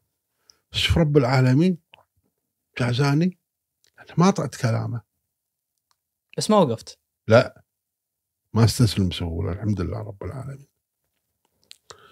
شغلناها بعنا كمية منها. شلون استجابة السوق حزتها؟ أوه. وأنت تتكلم تتكلم سيارة يعني كانت مثيلتها ب 6000 أنت تبيع ب 3000 يعني 50% من من من, من قيمة أي سيارة بالسوق. دش علينا الصيف. السيارات اللي بعتها كل يوم واحدة ترجع. overheat حرارة. هني فعلا يعني هذا اللي يقول لك المثل المعروف راحت السكرة ويت الفكرة. شو أسوي؟ طراق ما عليه رجعنا اللي رجعناه من الناس. أعطيناها فلوسها. وقفتهم قبال الشركة. الساحة كلها انترست حافات لوري. أبوي يسألني هاي وش سويت؟ شلون شغلك؟ قبل كل يوم تعطيني report ك الحين ما أسمع منك شيء. لا الحمد لله أبشرك. كل السيارات بعناها. قال أكيد. ويمر عند الشركة ويشوفها واقفة. شو تكذب علي تقول لي بعتها. قلت ما أبي أضيق خلقك؟ بس هذا اللي صار. هنا ما ابي اضيق اللي صار واحد اثنين ثلاث وأروح الأردن. إيش معنى؟ إيش معنى؟ الأردن كبلد فقير يدور سيارات رخيصة وسوق العراق كان مفتوح على الأردن ذاك الوقت. ولكن كانوا ما يواطنونا هذا بعد فترة عقب الغزو فكانت في إيه حساسيه إيه هذه عقب. الغزو اي نعم. ما يواطنونا. فعلا لقينا بذاك الوقت التعامل شوي. وصلت منطقة اسمها الزرقاء. تاجر أردني كان يقول أعرض. أجيب لك سيارة. أعرضها عندك. قال لا بالسعر اللي تتكلم أنا أبيعها كلها على العراق. قلت تمام. والله. شحناها. وراح اللي راح. الحمد لله على السلامة. مم. ويجيبوا لي طبعا مشكلتنا مع الصين اللغة قلت لك. واحد بذاك الوقت يشتغل بالسفارة الصينية يتكلم عربي أحسن مني ومنك وإنجليزي كل شيء هذا إذا طمع شوي يهد السفارة ويشتغل وياك. okay. قلت أعطيك معاش 400 دينار على طول هد السفارة صدق. الظاهر السفارة يعطونا 50 ولا 60 دينار بذاك الوقت. فعلا اشتغل ويانا فادنا وايد بالسوق الصيني. هذا كان أكبر العراقيل موضوع اللغة. إيه أوف. ما ما ما يتكلمون إنجليزي ولا. Google Translate لا لا لا لا, لا قبل ماكو جوجل بال 95 96 97 Google Translator تو طلع يعني نفس ماكو قبل التكنولوجيا هذه لا ما كان اكو ابدا. الصين كانت كلها عبارة عن قواري بذاك الوقت. تنقل لنا مشاهدك ابو عبد الله. يعني أتوقع حلوة نوثق هالشيء هذا خصوصا اللي زار الصين بذيك الفترة. إيه. يعني مشاهدك أنت إيش كنت تشوف الصين على عظمتها اليوم والتكنولوجيا اللي فيها؟ يا رجل كان أكل ما فيها. وقت اللي كنت أروح بذاك الوقت أودي جنطة أكلي معاي. والله. يعني ما كان عندهم أول شيء ثقافة ال- المطاعم الحلوة القعدات نظافة المطعم. إحنا خل اتكلم كمجتمع خليجي. أنا مالي شغل في ال Middle East كلها اتكلم كمجتمع خليجي. همنا أهم شيء النظافة. صح. نظافة البدن نظافة الأكل نظافة المكان. إذا هذا مو متوفر فبالتالي ما تشتري تاكل. يعني يك واحد وريحته تجيب اليهد تشتهي تاكل بمكانه أو بمطعمه أو ما تشتهي. ثيابه وسخة من فوق لتحت هم ما تشتهي. تطالع أظافره ولا باني عليهم نو هم ما تشتهي. أكلهم كان بالنسبة لنا مو معروف. فكنت قبل لا أطلع الصين كنت وقتها متزوج. فزوجتي كانت جزاها الله خير تجهز لي شنطة الأكل. جبن كرافت آه، قواطي الفول ما أعرف إيش. الكيك حتى الطماطة تحطها لي. حتى البصل عشان ما عندي وقت وين أروح أدور من تحاكيهم حتى البصلة تلفها لي وتحطها بالجنطة. فتجهز لي جنطة أكل. بروح خمسة أيام جنطتي وياي. أثقل من جنطة ثيابي. طيح كتفي بالشيء. حتى الخبز وياي. أخلص شغلي أي بطلت هالجنطة إذا معي أحد. شاركت. يا حياك. الكرافت حطيناه قصينا الطماط حطينا الجبنة البيضاء حطينا الكذا الساردين وصلنا قطاوة. تغدينا أو تعشينا أو تريقنا على الحال. بس إنه ما اكل بالمطاعم هناك نوي. ولا الفنادق زينة ولا ما ك... ماكو كان. يعني حتى أنت تدور يعني ماكدونالدز فرضنا موجود في كل العالم. كنتاكي موجود في كل الدنيا. ما كان موجود عندهم. الله ما كان موجود. حتى داخل الفنادق أساسا ما كانت المطاعم عندهم يعني بذيك النظافة العالية. فبالتالي بتتخاف. لا خلني على أكلي.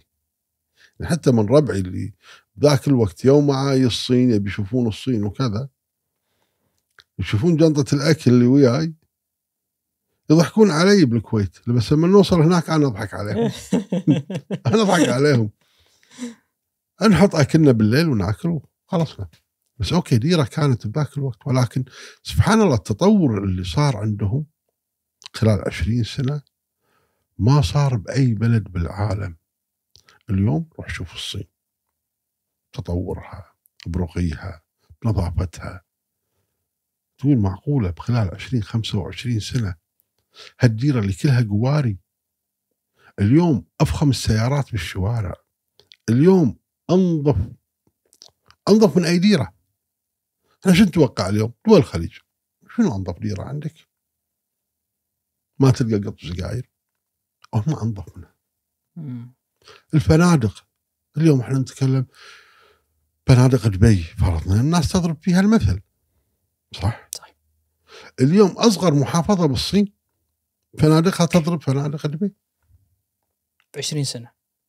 20 سنة. الأكل النظافة. تشتهي تقعد بمطاعمهم تاكل. قبل لا. ما تشتهي. اليوم لا. ودك بس تقعد بالفندق تاكل أكلها اللي تبيها. يعني أنا سنة من السنين طحت بطباخ هندي. ما أبي أكلهم. ناديته على الريوق الصبح. شو اسمك؟ قال لي علي. من وين أنت علي؟ كان يقول لي هندي. هندي؟ انت ربعنا من عمر. أنا يعانى ببرياني الحين.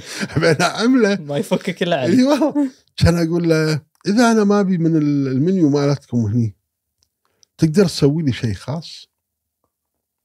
ضحك. قال لي أنت من وين؟ قلت أنا كويتي.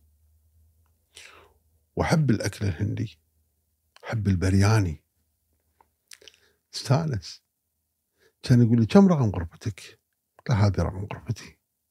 واشيل له 200 دولار أحط بيده 200 مبلغ عندهم يعني أتكلم عن هذا بالحكي يمكن بال 2010 قال لي متى ترجع من شغلك؟ قلت له أرجع الساعة سبعة.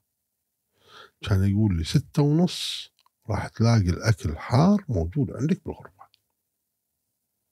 تمام. لا ذبح إسلامي. كان يقول لي أنا مسلم. قلبي كفو والله. يلا مو مشكلة. فعلا يجي الليل ولا البرياني. يا ونعومك. من باكر الصبح كان أقول لعلي أنا بقعد أربع أيام هني. كل يوم البرياني مو تقطعه وكم تبي بعطيك. وكل يوم يوم برياني لحم يوم دياي يوم ربيان. قلت شط ماخذ زين فكك من ازمه أبو عبد الله. إي إي إي شلون هناك ما ناكل وخصوصا يعني في ناس تتقبل كل ال- ال- الأكلات. أنا عن نفسي لا. إذا ما أعرف الأكل ما أكله. يعني حتى أكلهم التشاينيز عندهم مطبخ الصيني طبعا رهيب. ولكن ثلثين الأكل مالهم ما أكل. بس شو اللي علقك فيها أبو عبد الله؟ ثقافة العمل عندهم شو اللي عجبك وايد. فيهم؟ ثقافه العمل يعني ناس ما توقف ناس ما تعرف الكلام مو مثلنا إحنا. إحنا نضيع وقتنا كله بالكلام والقيل والقال وبدون فايدة.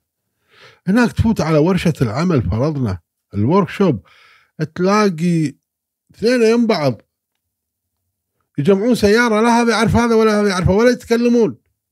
يا يشتغل يمشي. شلون عيل؟ تحس ورشة عمل صح منظمة.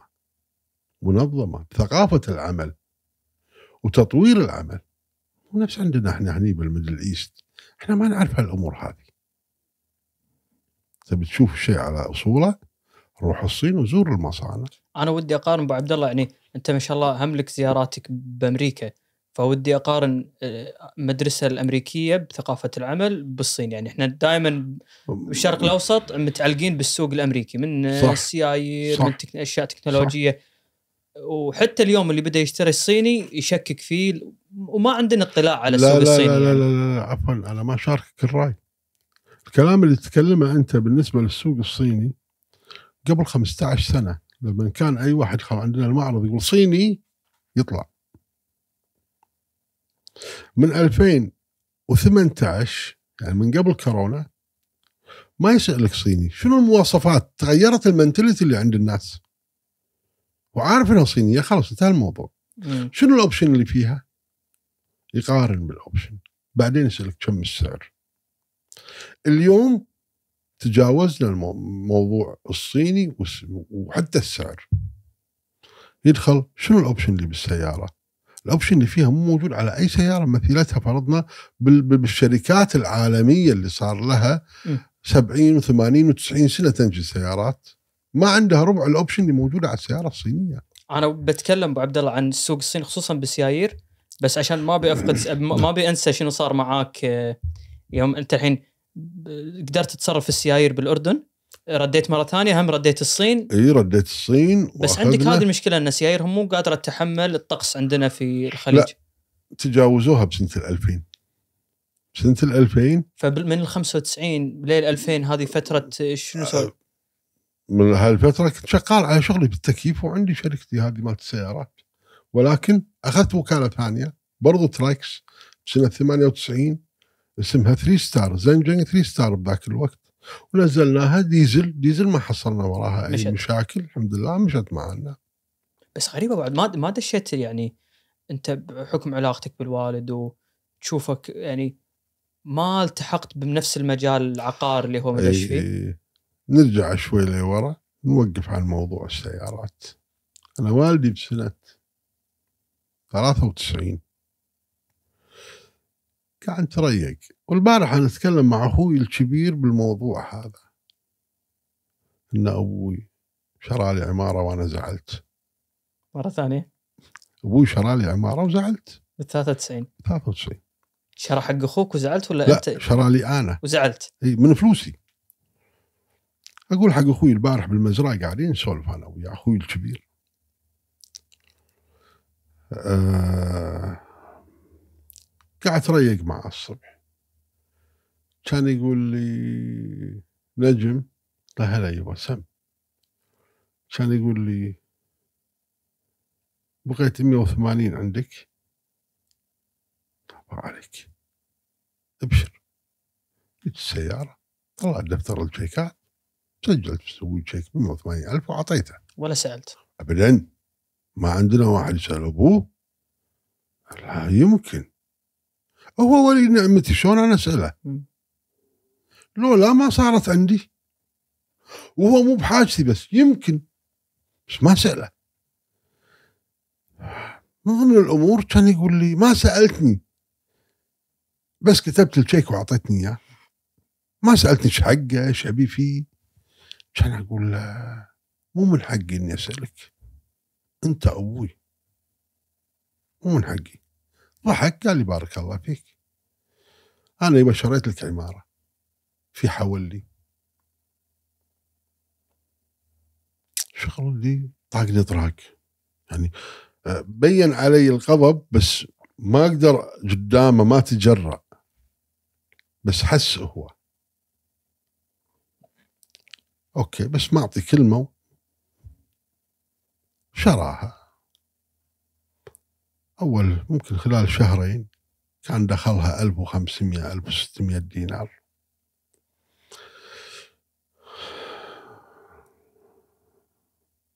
أعطاني شيك ب 240 زائد كنا 3000 وشوي نقدي. كان أقول إيش ماله هذا يبا؟ كان يبا هذه أجارات العمارة. وبعت العمارة بمصلحة 60000 بشهرين. يا ولدي كنت أبي واحد من عيالي يكون تاجر عقار. بس شفتك مالك رغبة بعتها. قلت له من قال لك مالي رغبة؟ قال لي "أبو حسيت. حسيت من وجهك؟ أنت ما قلت بس حسيت. فهذه بمصلحتها وهذه أجاراتها. ترى العقار ابن البر. هذه كلمتين طلعت منه. تحوس براسي سالفة كلمته ويبي واحد من عياله يصير تاجر عقار. سنة 97 أو أواخر 96 أول طلوع جنوب السرة منطقة سكنية بالكويت. هايبة يعني حق اللي برا الكويت هي منطقة سكنية كانت تقريبا بر بال 97 بر. جنوب السرة السلام محطين واخذ لي 20 قسيمة بلوك بالسلام. من الله يمسيه بالخير كان عايش والله ما أدري. راشد السالم.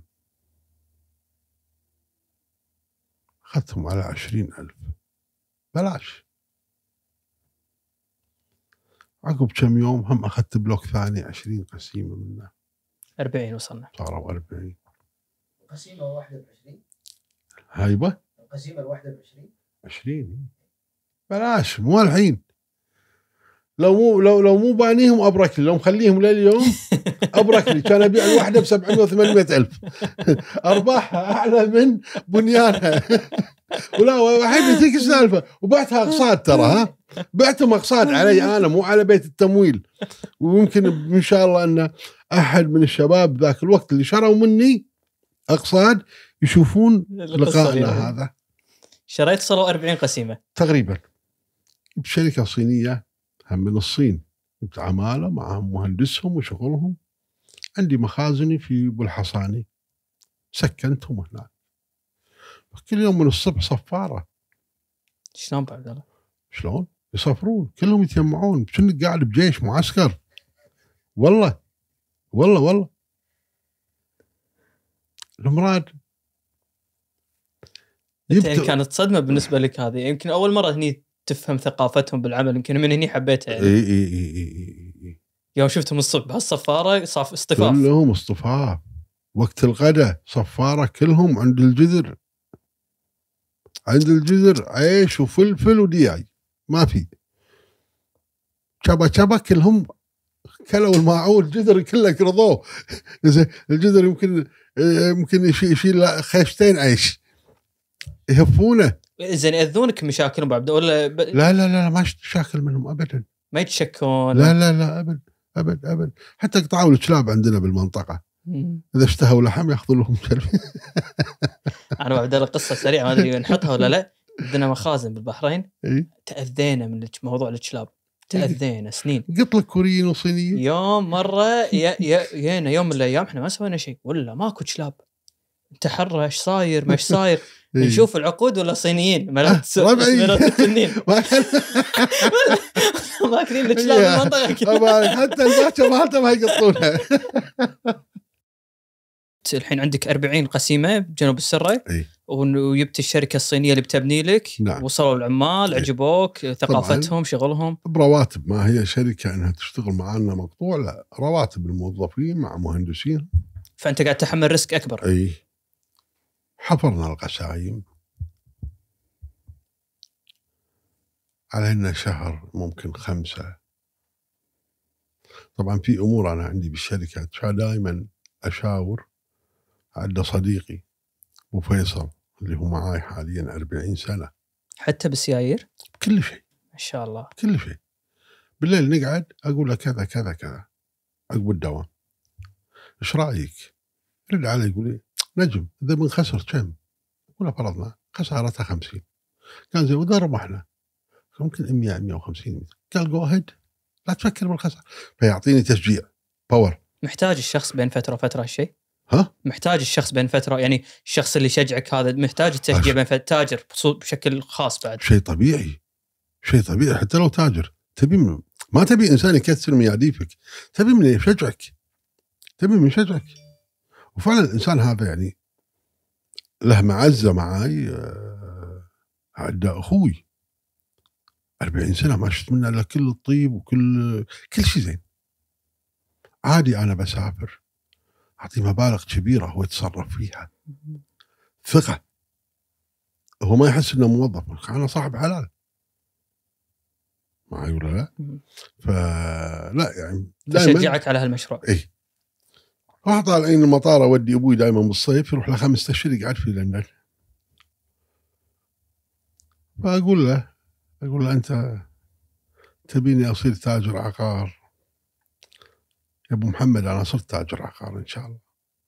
جبته البر. كان يقول وين يا ابني؟ يا ابني بر مشرف. ذاك الوقت يسوونه بر مشرف إيه. مو جنوب السرة. ضحكت. قلت له أي والله يبا أخذت 20 قسيمة هني و20 هني وقاعد تفاوض على 40 بالسلام. ما شاء الله. كان يقول لي أنت مينون. برتشول من من بيشتري منك أنت باكر. مثل لي ذراعي اللوة. وقفنا عند القسايم كان أقول له شوفهم يبا أنا مستانس. كان يقول لي ادفنهم لا تصير مقبرتك هذه. عندي إصرار إني أبنيهم. بس ما أبي أزعل أبوي. قلت له أبشر بالخير. أبيعهم ولا يهمك. واعتبرها ما صارت ولا تزعل نفسك أنت الحين. والله ونروح نزلته وراح. من غير شر. خمسة أشهر أنا مخلص المشروع. باني خالص. كلهم بانيهم. أنطر الكهرباء تشب. كم احجامهم القسايم بارك الله. 400 ومساحة كل قسيمة مساحة البناء 600 متر. أعلنت قبل ما في social media جرايد. حطيتها بالجريدة. ما حد قال والدلال ما حد سام مني بدينار أنت بكم عرضتهم؟ عرضهم كنت على 150 وانت تكلفتك بالقسيمة 20 والبنيان تقريبا. ما أقدر أقول. بس إنه بس 150 ت- تبيع محرس بالنسبة لك فيها فيها ربح زين. إي بس إنه ما حد يبي المنطقة. بار ما فيها شارع. هني قلت هذا اللي ما يطيح حكي وقال لي رجال طول عمره بالعقار. قال لي ادفن لا تبني. وأنا بنيت. الله كريم. بالليل عقب دوامنا أبو فيصل وياي قاعد. كان أقول له أبو فيصل والله ورطة لو أحسب من 150 ألف ب 40 قسيمة 6 مليون. كان يقول لي إن شاء الله يروحون لا, لا تزعل نفسك. اصبر. يروحون اصبر. ما حد سام يعني حتى ما حد قال لي ب 120 عشان أقول والله عندي سومه ابيع أوكي نصبر. الله كريم. وإحنا نسولف. كان أقول ليش ما نبيعهم أقصاد. ضحك. قال أقصاد بيت؟ تلاقيه والناس تأخذ على بنوك وعلى كذا. إحنا خلينا نبيع أقصاد علينا كان يقول لي؟ واذا الناس ما دفعت. لا لا. نحط كفيل الزوجة. الزوج عميل والزوجة كفيل. وتشيكات من البنك. كان التشيك بذاك الوقت يحبس خمس سنوات جناية. كان أقول له شوف مقدم ثمانين ألف وسبعين ألف على سبع سنوات يطلع على القسط بثمانمية دينار بدون فوائد. إعلان واحد طارت كل القسايم. والله كلها. حفرت. حين أبوي راجع من السفر. ويبه حتى والله بثياب السفر ما مو مبدل. مو بقطرة وعقال. ظلمة بالليل. وين موديني؟ قلت له بوديك يا أيوه اللي ما يطيع يضيع. أقول له. وأنا ما أطعتك سامحني. وبنيت جنوب السرة قال ما تيوز عن سوالفك. انت ليش عنيد قلت لك خسارتك. قلت بعد. بنيتهم وقفنا عندهم. ظلمة بالليل. مع كوليتات كان. سويت لأن أنا زعلان. مسكين كان يرد علي. قال لي عسى بس مو مطلوب. قلت له الحمد لله رب العالمين. ما حد يبي مني شيء. قال الحمد لله. إيهم نصيبهم. كان أقول له يا حجي بعتهم كلهم. قال شلون؟ قلت له كلهم. تقص علي. والله يا يبا ما قص عليك. ولكن توفيق من الله ورضاك أنت وأمي. الحمد لله رب العالمين. الله يسرها. وبعت. مو خسران؟ قلت لا لا. ربحان وربحي وايد زين يبا شلون؟ من شرى منك؟ قلت له والله يبا بعت. سبعين. أو ثمانين مقدم والباقي على سبع سنوات. الناس إذا ما دفعت قلت له ماشي على الخطة الفلانية. الله يوفقك. واستمريت. استمريت لسنة الألفين بالسكني. بالألفين وواحد انتقلت على الاستثماري قبل الطفرة. مم. وبلشت آخذ بالعمارات القديمة. أخلي وأهدم وأبني. وصينييني معي عقبهم قالوا بيروحون ما, ما تشوفون شر. جبت عمالة بنقال وهنود. ف وبلشنا نبني استثماري. واحتفظ ما أبيع. هذه تقريبا بدايتي بالعقار بس مع هالنجاح قلبك متعلق بالسيايير. إي إي إي إي. مستهوينك. إي نعم. يعني أول وكالة بعدين أخذتها كسيارات ركوب. الوانيت اللي أنا جايك فيه الحين تقول لي الله إيش دعوة؟ ليش أنت بخيل؟ تركب وانيت لا أنا ركبتها بالمعرض ابو عبد الله يعني. ها؟ ركبتها بالمعرض ما شاء الله. لا ما يخالف بس إنه في ناس لها نظرة. مم. والله ريال عنده ما- ما يركب لا والله. Rolls Royce قاطع عند البيت ما أشتهي أركبه. أم المواتر موجودة كلها بس أرتاح من دوانيت من الوانيت وسياراتي. الصينيه يا أخي كل شيء فيها كل ال facility أعلى من أي سيارة. أنا اليوم تعال أي سيارة قيمتها 100 150 ألف دينار أنا أتحداها بال option اللي موجودة عندي بالسيارات مالتي الصينية. أصبح شوين الفرق عندي؟ هذا مسمى صيني وهذا مسمى أوروبي. بس الاسم هو اللي يفرق. بس. ال facility اللي بالصيني أعلى من ال facility اللي موجودة بالسيارات الثانية.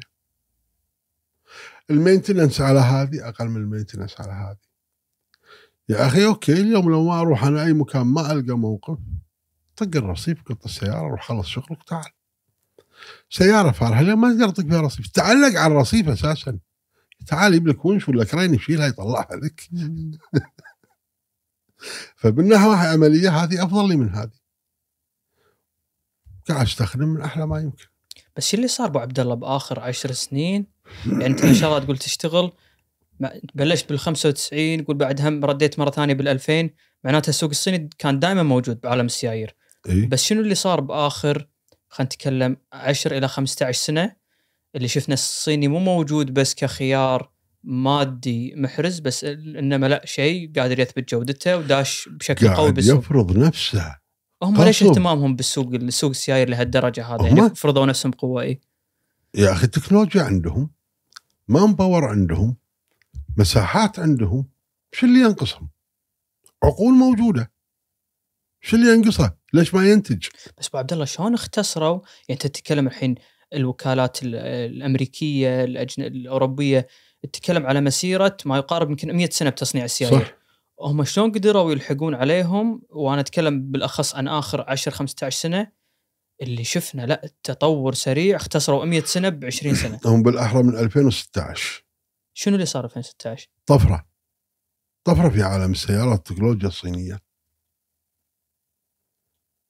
غيرهم ما يقدر يوصلهم. نتكلم من الشركات العالمية اللي أنت الحين تفضلت فيها مو قادرة توصل آه للسرعة اللي قاعد يوصلون فيها الصينيين من تطور بالتكنولوجيا. فرضنا اليابان طلعت بشيء وطلع بشيء أفضل. على طول. طبعا إحنا ما نتكلم اليوم الأمريكي والأوروبي هي أكثر شيء كانت اليابان بالتكنولوجيا هي وايد متطورة. هذول صكوا عليهم. ال option اليوم ال facility اللي بسياراتهم وال option مو موجودة اليوم. لا تلاقيها لا على الأوروبي ولا على الياباني ولا على الأمريكي. كفالتهم تعال يا أخي ليش نروح بعيد؟ اليوم أنت الحين اشتري لك سيارة ب ألف دينار كفالتها كم؟ ثلاث سنين أربع سنين خمس سنين. قال يعطيك 15 سنة؟ أو مليون كيلو. بس هذا من اللي يحدد؟ أنت أبو عبد الله لا لا المصنع الشركة الأم أنا أنا ما أعطيها أنا لو كان علي. 100000 وكافي. حالك حال الم... السوق. اي حالك حال السوق. المصنع هو اللي يعطيك. يقول لك okay اشتغل على ال ألف. اشتغل على المليون. اشتغل على 15 سنة. okay أنا مو دافعها من جيبي. المصنع هو اللي قاعد يدفعها. ليش أنا ما أعطيها للعميل؟ ليش ما أعزز الثقة بالمنتج؟ وهذا الصينيين ليش هم قفزتهم وايد كبيرة؟ إذا تشوف أنت اليوم قبل أربع سنوات بالشارع وشوف اليوم الشارع. اليوم الشارع تعبى من الصيني. ليش؟ عززوا ثلعتهم بكفالة عالية. الناس قامت تثق بالمنتج. تعال قبل إحنا قال لك صيني قال لك قال لك وخر عنا اليوم تعال. إحنا قاعدين اليوم هذا بالاستوديو حاليا. شرط 99% من اللي عندك صيني. اولهم الماكينة اللي دشداشتي. ودشداشتك صيني؟ مكيفك صيني تلفزيونك صيني قنفاتنا صينية سجادنا صيني ماكينة القهوة صينية ميكروفوناتنا هالكاميرات الحلوة كل شيء. قبل أنت من 15 كاميرا صينية تقول لا أروح. أروح الإيطالي فرضنا. هم متطورين في صناعة الكاميرات. أو عقبها فرضنا ال- الياباني. أو كذا. اليوم لا. الصين. طغت أنت كنت تتوقع هالشيء أبو عبد الله قبل 2016 بأن يس- يسل... الصينيين يسلمونك سيايير بهالجودة هذه؟ إي. كنت شايف هالشيء من إيه. أول. إي. إي. لأن okay. أنا تقريبا عشت معاهم الحين 24 سنة في مجال السيارات وقاعد أشوف التطور ما بين قبل وما بين الحين. قبل okay كل سنتين يحطوا يعملون modification شيء بسيط. اليوم لا كل ست أشهر. كل ست أشهر. يعطيك موديل جديد يعطيك high technology فيها. مم. فقفزتهم وايد كبيرة. ابو عبد الله تقدر تقول لنا الأشياء اللي إحنا ما نشوفها والناس تتساءل عنها. يعني أنت اليوم كوكيل أكيد فرضا مع المصنع اللي تتعامل معاه في تشكيلة كبيرة مو شرط كلها تيي الكويت. هذا شنو اللي يصير يعني؟ أنت كوكيل أنت تختار تقول أنا هذا ملائم للسوق مالنا لا لا لا لا. هم هني يحطون فرضنا هو عنده شنو؟ سوق ال Middle East السوق الصيني السوق الأوروبي أفريقيا. ال line هذا حق ال Middle East. انتهى الموضوع. لو ال line هذا قدم ما يوقف الإنتاج يحوله على وين على أفريقيا. باعتبار إنه طلع ال cost فرضنا مالت القوالب وغيره فيقل عنده التكلفة بالإنتاج. فوين يوديها؟ من اللي يستقبلها؟ السوق الأفريقي لأن السوق الأفريقي مقارب. المادة. يعني بدال كانت السيارة ب 10000 اليوم تصير 7000 كل ما يزيد الإنتاج كل ما تقل التكلفة. فهم طلعوا تكلفة الدايز كلها. تكلفة شنو؟ القوالب. هي هذه أصل التكلفة أكيد قوالب. شيء طبيعي. هذا اللي نسميه الشاصي إحنا ولا؟ الشاصي قوالب الأبواب ال- المداقر ال- ال- كل هذه تكاليف. فهم هذه القوالب اللي تصممت حق السيارة هذه. أوكي باعوا منها بسوق الشرق الأوسط خلينا نقول 200 ألف 300 ألف سيارة. السوق ما راح يتقبلها راح يطلع هو بموديل جديد يحول هذه وين؟ على سوق أفريقيا. يبيعها هناك بأفريقيا بعد عشر سنوات سبع سنوات. والسوق ما عنده مشكلة هناك ياخذ شيء هنا- هناك عمره ياخذ 10 سنين. السوق الأفريقي ياخذ كل شيء. سيارة جديدة ولكن okay design قديم. قديم. إحنا ما يتواكب مع العصر فرضنا عندنا والتكنولوجيا اللي موجودة. أنا قاعد تييك سيارات أو تييك مواد كل يوم من كل كل العالم. ذاك لا ذاك يدور سعر. أبي أنا سيارة فرضا توديني وتجيبني. لو كانت ال option مالتها قديمة ما عندي مشكلة. المهم إني أروح وأيي وسيارة بسعر معقول. فهذا اللي يخليها يحولون فرضنا إنتاجهم حق أسواق ثانية. في أسواق حق سوق أوروبا، أوروبا غير طبعا طريقة ما- خلينا نقول مكاينها شغلها هناك جو عندهم مو مثل جونا إحنا. يعني حتى إحنا هنا الكويت أو كخليج مواصفاتنا مختلفة ترى عن ال Middle East. لما يقول لك GCC standard خلاص متعلق بالطقس بس ولا في خصوصية ثانية عند كل شيء المستهلك. الخليجي في السيايير؟ أهم شيء الطقس. حرارتنا إحنا بالصيف انت بساعة كنت قلت لنا معلومة يمكن ما ما طلعت بالتسجيل اللي هي إيه؟ إن شلون الحين الكويت آه، آه، صارت يجربون فيها السيايير بالنسبة للطقس؟ اي إحنا بالنسبة عندنا حاليا مصنع اللي نتعامل معاه اليوم خلص حول التجارب عندنا بالكويت. لأنه احر احر احر دولة بالعالم. سجلوها عندهم. اي فعندنا مثل السيارة الجديدة دزوها من شهر خمسة بالكويت. جربوها ستة وسبعة وثمانية وتسعة وعشرة وأحد بر بحر. ويومي يدز أي مشكلة تحوشها دز على طول يعدلون على خط الإنتاج هناك. لما نينا نحط طلبياتنا خلاص السيارة اكتملت ما فيها أي شيء خلوا السيارة هذه حقنا هني بالكويت وراحوا. ما يبونها بس انتهت. مهمتها انتهت. مشت سبعين ألف مشوها أو خمسة وستين ألف أعتقد خلال ست شهور. ما توقف ثلاث شفتات عليها. يعني أوكي مهندس ينزل يركب الثاني تبدل السايق بسايق ثاني ورايحة تلف بالبر طعوس غيره. ما توقف السيارة. ما وقفت. اللهم يوقفون وقت تعبئتها حق البنزين ويحرك مرة ثانية. وياخذون منك ملاحظات أبو عبد الله يعني كونك أنت تمثل مصالحهم في الش... يعني شيء ما في الشرق الاوسط طبيعي فأنت شنو شنو الشيء إحنا اللي لو حاشتنا أي مشكلة يعني سنه من السنين حاشتنا مشكلة بشغلة معينة. بعثنا لهم إيميل. خلال ثلاثة أيام عندنا المهندسين موجودين بالمصنع. حلوا المشكلة ومشوا. okay قال لك المشكلة الفلانية استدعوا السيارات كلها. تفضلوا بدل. استدعينا بدلنا كل شيء والحمد لله. تذكر يوم نسولف على السيارة واحدة السيايير اللي موجودة عندك الجديده قلت لي أنا من أول ما شفتها دريت هذه تمشي عند ربعنا. إي. فأنا بودي إذا في أشياء معينة خصائص بالسوق الخليجي اللي تعتقد أبو عبد الله لما يختار سيارة يدري والله ربعنا يحبون هالسالفة بالسيايير فتناسب السوق الخليجي عندنا. أول شيء الشباب هني طبعا اليوم نتكلم ما أتكلم أنا عن الفئه العمرية خلينا نقول 60 وطالع. أول شيء أشوف اليونج جنريشن يعني أنت اليوم عمرك 30 طالع من 18 لل 40 شنو يبي؟ يبي four wheel drive يبي option زيادة.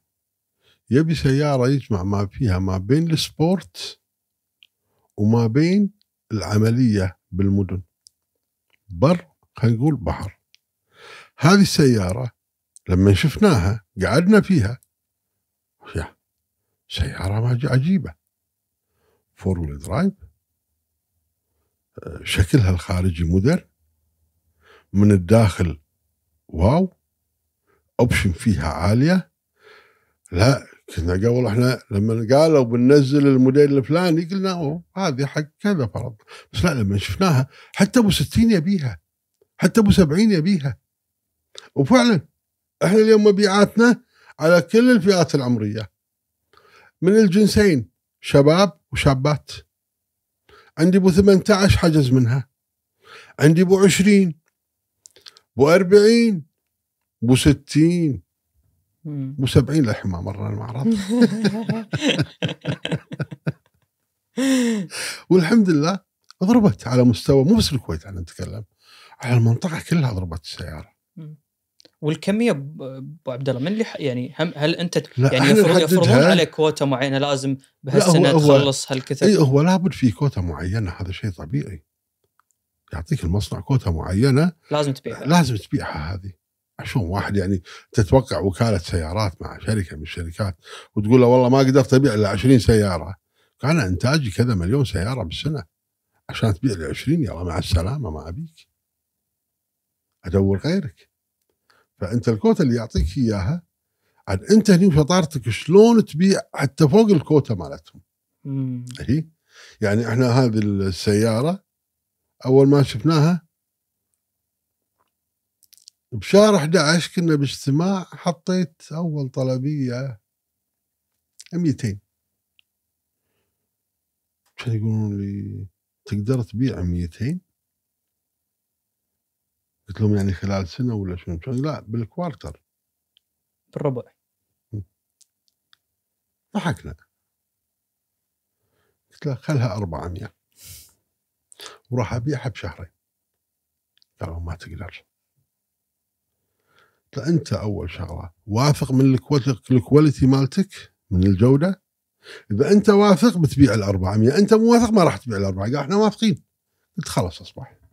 عطني 400 قالوا ما عندنا لأن خط الإنتاج جديد ودول الخليج كلها حاليا حطت طلبيات عالية عفوا ابو عبد الله انت بتقول خط إنتاج تقصد مصنع كامل ولا بس المصنع. لا لا هو هو عدة مصانع عندهم يعني إحنا عندنا اليوم بس فرضا اللي يشتغل. حق الخليج مصنع واحد يكون لا. ولا؟ لا لا لا لا هو مصنع يشتغل حق كل العالم بس طلبية الخليج okay هذه غير قطاعها غير آه. line ها بروحه فلما تقول خط إنتاج كأنه شيء مفصول أي بروح مفصول. إي نعم خط الخليج غير. إي نعم.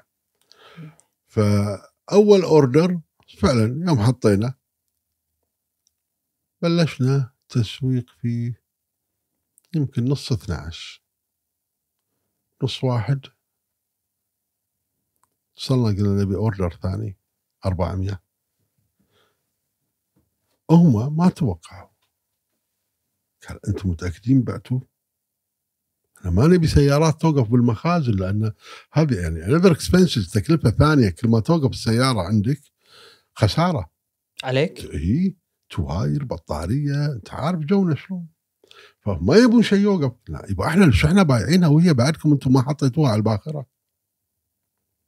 نبي 400 ضربناهم ب 400 ثانية. طبعا. اليوم هم عندهم آه، السنة الصينية بلشت اليوم السنة الجديدة. فيوم الخميس قلت حق ال brand manager عندنا بالشركة أعمل أوردر ب 400 كان يقول لي نجم أنت تكلم صح ولا تغشمر. قلت له أقول لك حط لي 400 ولا تدري شلون؟ 600 أنت تاخذ بعد الله عليهم. إي والله. وفعلا دزينا لهم 600 وبعثنا لهم البلان مالنا. إحنا عندنا يوم بحدود من 15 ل 20 ال category هذه. okay إذا أنا عندي 20 أنا أتكلم شهر واحد أنا مطير لك 600 مطير لك 600 ليش ما تعطيني إياها؟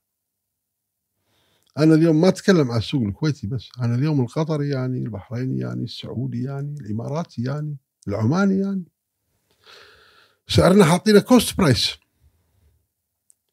نفس السيارة هذه تباع بالخليج كله ب 13 و 14 ما يعادل 14000 كويتي وكل بلد حسب عملتها. إحنا فرضنا 9900 حاليا. cost price الناس قامت تجينا من دول الخليج كلها. اشتكوا علي من أسبوعين. رحنا اجتمعنا بدبي كيف يبا أنا أنا بالنسبة لي أنا مرتاح من سعري. ليش تشتكي علي؟ قال أرفع سعرك. قلت أنا بعطيك 5000 سيارة السنة. كان يقول لي خلاص لا ترفع سعرك. هم ينادونكم أبو عبد الله لما تنزل يعني سيارة. ش... تصير؟ أشوف أنا في معارض اللي يطلعون السيايير اللي للحين ما نزلت السوق. أنت دورك كوكيل شنو تروح و... لازم تلقي نظرة على لازم- السيارة و- لازم نروح ونحضر باجتماعاتنا كل أبريل. كل شهر أربعة من كل سنة يا يصير المعرض في بكين أو بشنغهاي. وبنفس الوقت خلي المعرض على جنب. هم يكونوا حاجزين صالات داخل الفنادق. جايبين شنو راح ينزل عقب سنة عقب سنتين. future wise شنو ال facility اللي على السيارة شكل السيارة يراونا اياه ممنوع التصوير ممنوع أي شيء تدخل تشوف أنت شو اللي راح ينزل بعد سنتين بعد ثلاث بعد سنة مم. لازم يراونا اياه وأنت مسؤوليتك ابو عبد الله كوكيل مجرد إن أنا ألبي طلبات البيع ولا في شروط ثانية؟ آه يعني ما, ما ودي أتكلم عن حالتك أنت شخصيا. بس كوكلاء سيايير عالميا يعني. شنو العلاقة بين الوكيل والمصانع؟ يعني هذا أشياء إحنا كمستهلكين يمكن ما نعرفها بس حلو إنه واحد يعرف قصتها. لا لا. أنت أساسا بدون وكيل أنت ما تقدر تستخدم السيارة. من بيلبي لك قطع غيارك؟ من بيحط لك جراجات خدمة؟ اليوم السيارة مو مثل قبل. قبل كانت السياره easy افتح افتح الغطاء ما فيها شيء. وايرين ماكينة قوايش. اليوم كلها computerize كلها تكنولوجيا ما يقدر يشتغل فيها أي ميكانيكي برا السيارة. لازم ترجع لل- للوكيل مالك المحلي. هذا اللي زاد تكلفة السيايير عبد الله؟ هذا اللي زاد تكلفة السيايير. يعني أنا ما أتكلم في فرض عن السوق الصيني اليوم. الحجوه اللي تنقال على كل السيايير. هذا أول كان عد هالرقم. اليوم اندبل سعره يعني هل تكلفة الإنتاج زادت عشان كذي نشوف سيايير عالميا أنت قاعد ما تزيد يخالف ما عليه أنت لما النا- النا- الناس يبغى تتكلم. معي ولا لا؟ إن ارتفع سعرها الوكيل ضرب سعرها زيادة يبي يربح زود. لا. أنت ما قلت الوكيل عنده شحن. أسعار تطلع وتنزل وياه. أنت ما قلت فرضنا فرق العملة. مم. اليوم الدولار فرضنا نشتريه. كنا نشتريه ب 305 فلوس 304 فلوس اليوم 310 311 هذه ما ما فكرت فيها المستهلك. ما فكرت في موضوع. لأن أنت لازم تشتري بالدولار أبو عبد الله صح؟ أكيد. فتأمن نفسك من قبل تاخذه على أوقات أوقات تلحق أوقات تلاقيه مطالع طالع مولع نار. فإيش هم جزء من شغلك عملات تشتغل شيء طبيعي. مم. أنت أنت قاعد تدفع بالعملة الصعبة ما قاعد تدفع بالدينار الكويتي. إيه. لو أدفع بالدينار الكويتي أنا مرتاح بس أنا قاعد أدفع بالدولار. الدولار اليوم له سعر باكر له سعر. زين سعر البضاعة يختلف. خل هذا كله. الأجور بالمصانع نفسها. كانت قبل نفترض يبقى على for example عندك إجرة العامل قبل آه، خلينا نقول بالشهر يتقاضى 500 دولار اليوم صارت 800 دولار. طن الحديد. سيارة معتمدة على الحديد والألمنيوم فرضنا كلها وبعدين مواد بترولية. إحنا ليش نزعل؟ إذا إحنا بعنا سعر البرميل ب 80 دولار وكان قبل ب 40 واليوم 80 تبي أعطيك إياه بسعر ال 40 وشاري منك ب 80 لازم يعوضه منك ب 150 لأن كل السيارة على المواد البترولية. مم. الفرش ما فرش والأمور هذه كلها. المصانع تشتغل على البترول. صح ولا لا؟ أه حتى مصانع المحركات. هالمكاين اللي قاعد تشتغل وهالكهرباء هذه شنو؟ كلها على البترول. إحنا قاعد نبيعهم يا قاعد يرجعون لنا يا بضاعه مثل ما قاعد تبيع بغالي السعر قاعد يرتفع عليك بالمقابل. يعني إحنا نستأنس إذا ارتفع فرضنا سعر البترول مثل أمس أعتقد 81 دولار البرميل. زين وانت كل ما يرتفع بالمقابل حط معك ارتفاع بالبضائع. شيء طبيعي. لازم تحملها. إي.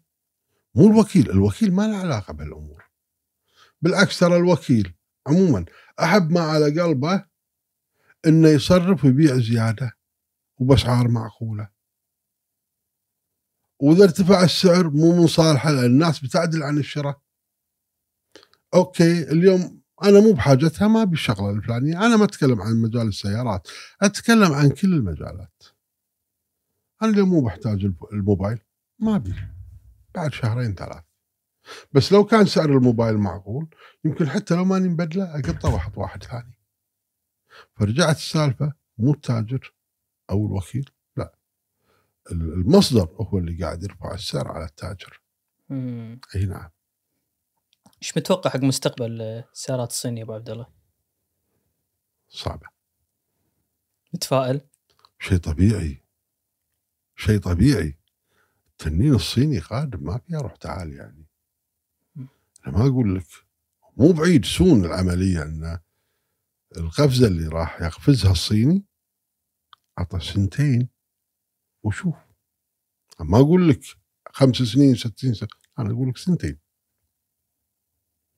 والسيايير الكهرباء أبو عبد الله أنت انت شخص متخصص بمجال السيايير. الكهرباء. شوف الكهرباء شيء زين. بس إحنا للحين بالكويت ما عندنا ثقافة الكهرباء. يبي لنا بعدنا عليها. بعدنا.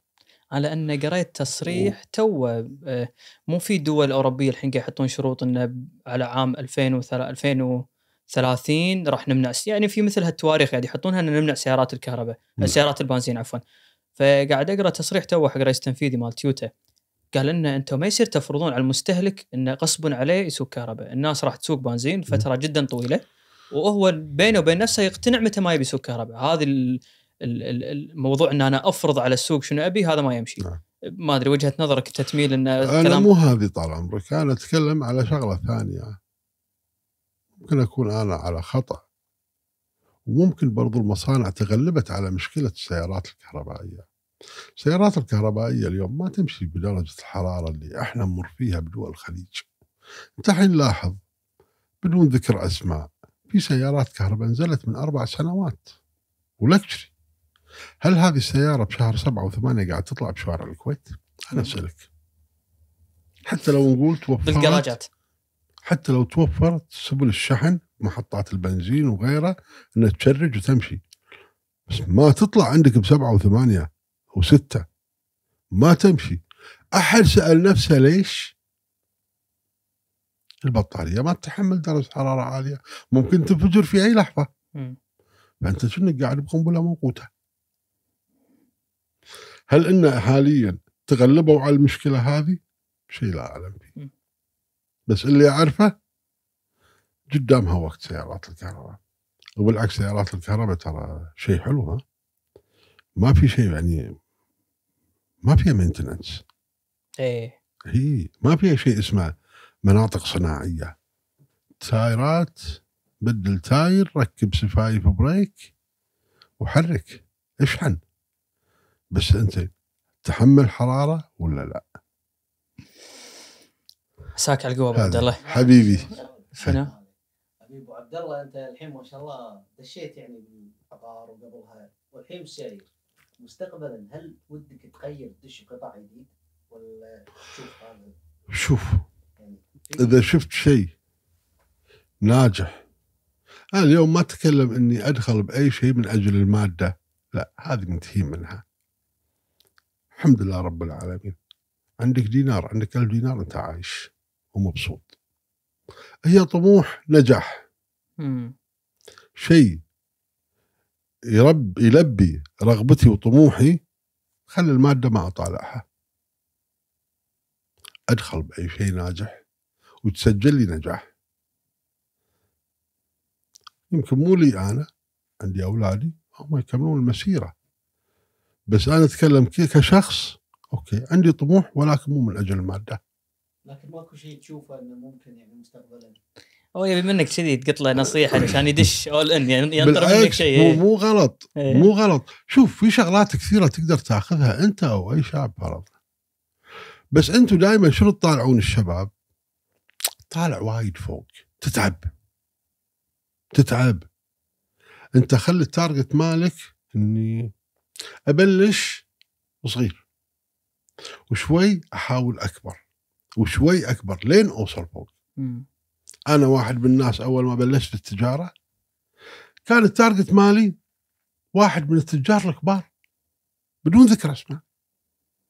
بلشت صغير بس كل ما أكبر ذاك قدام عيني إني أوصل له.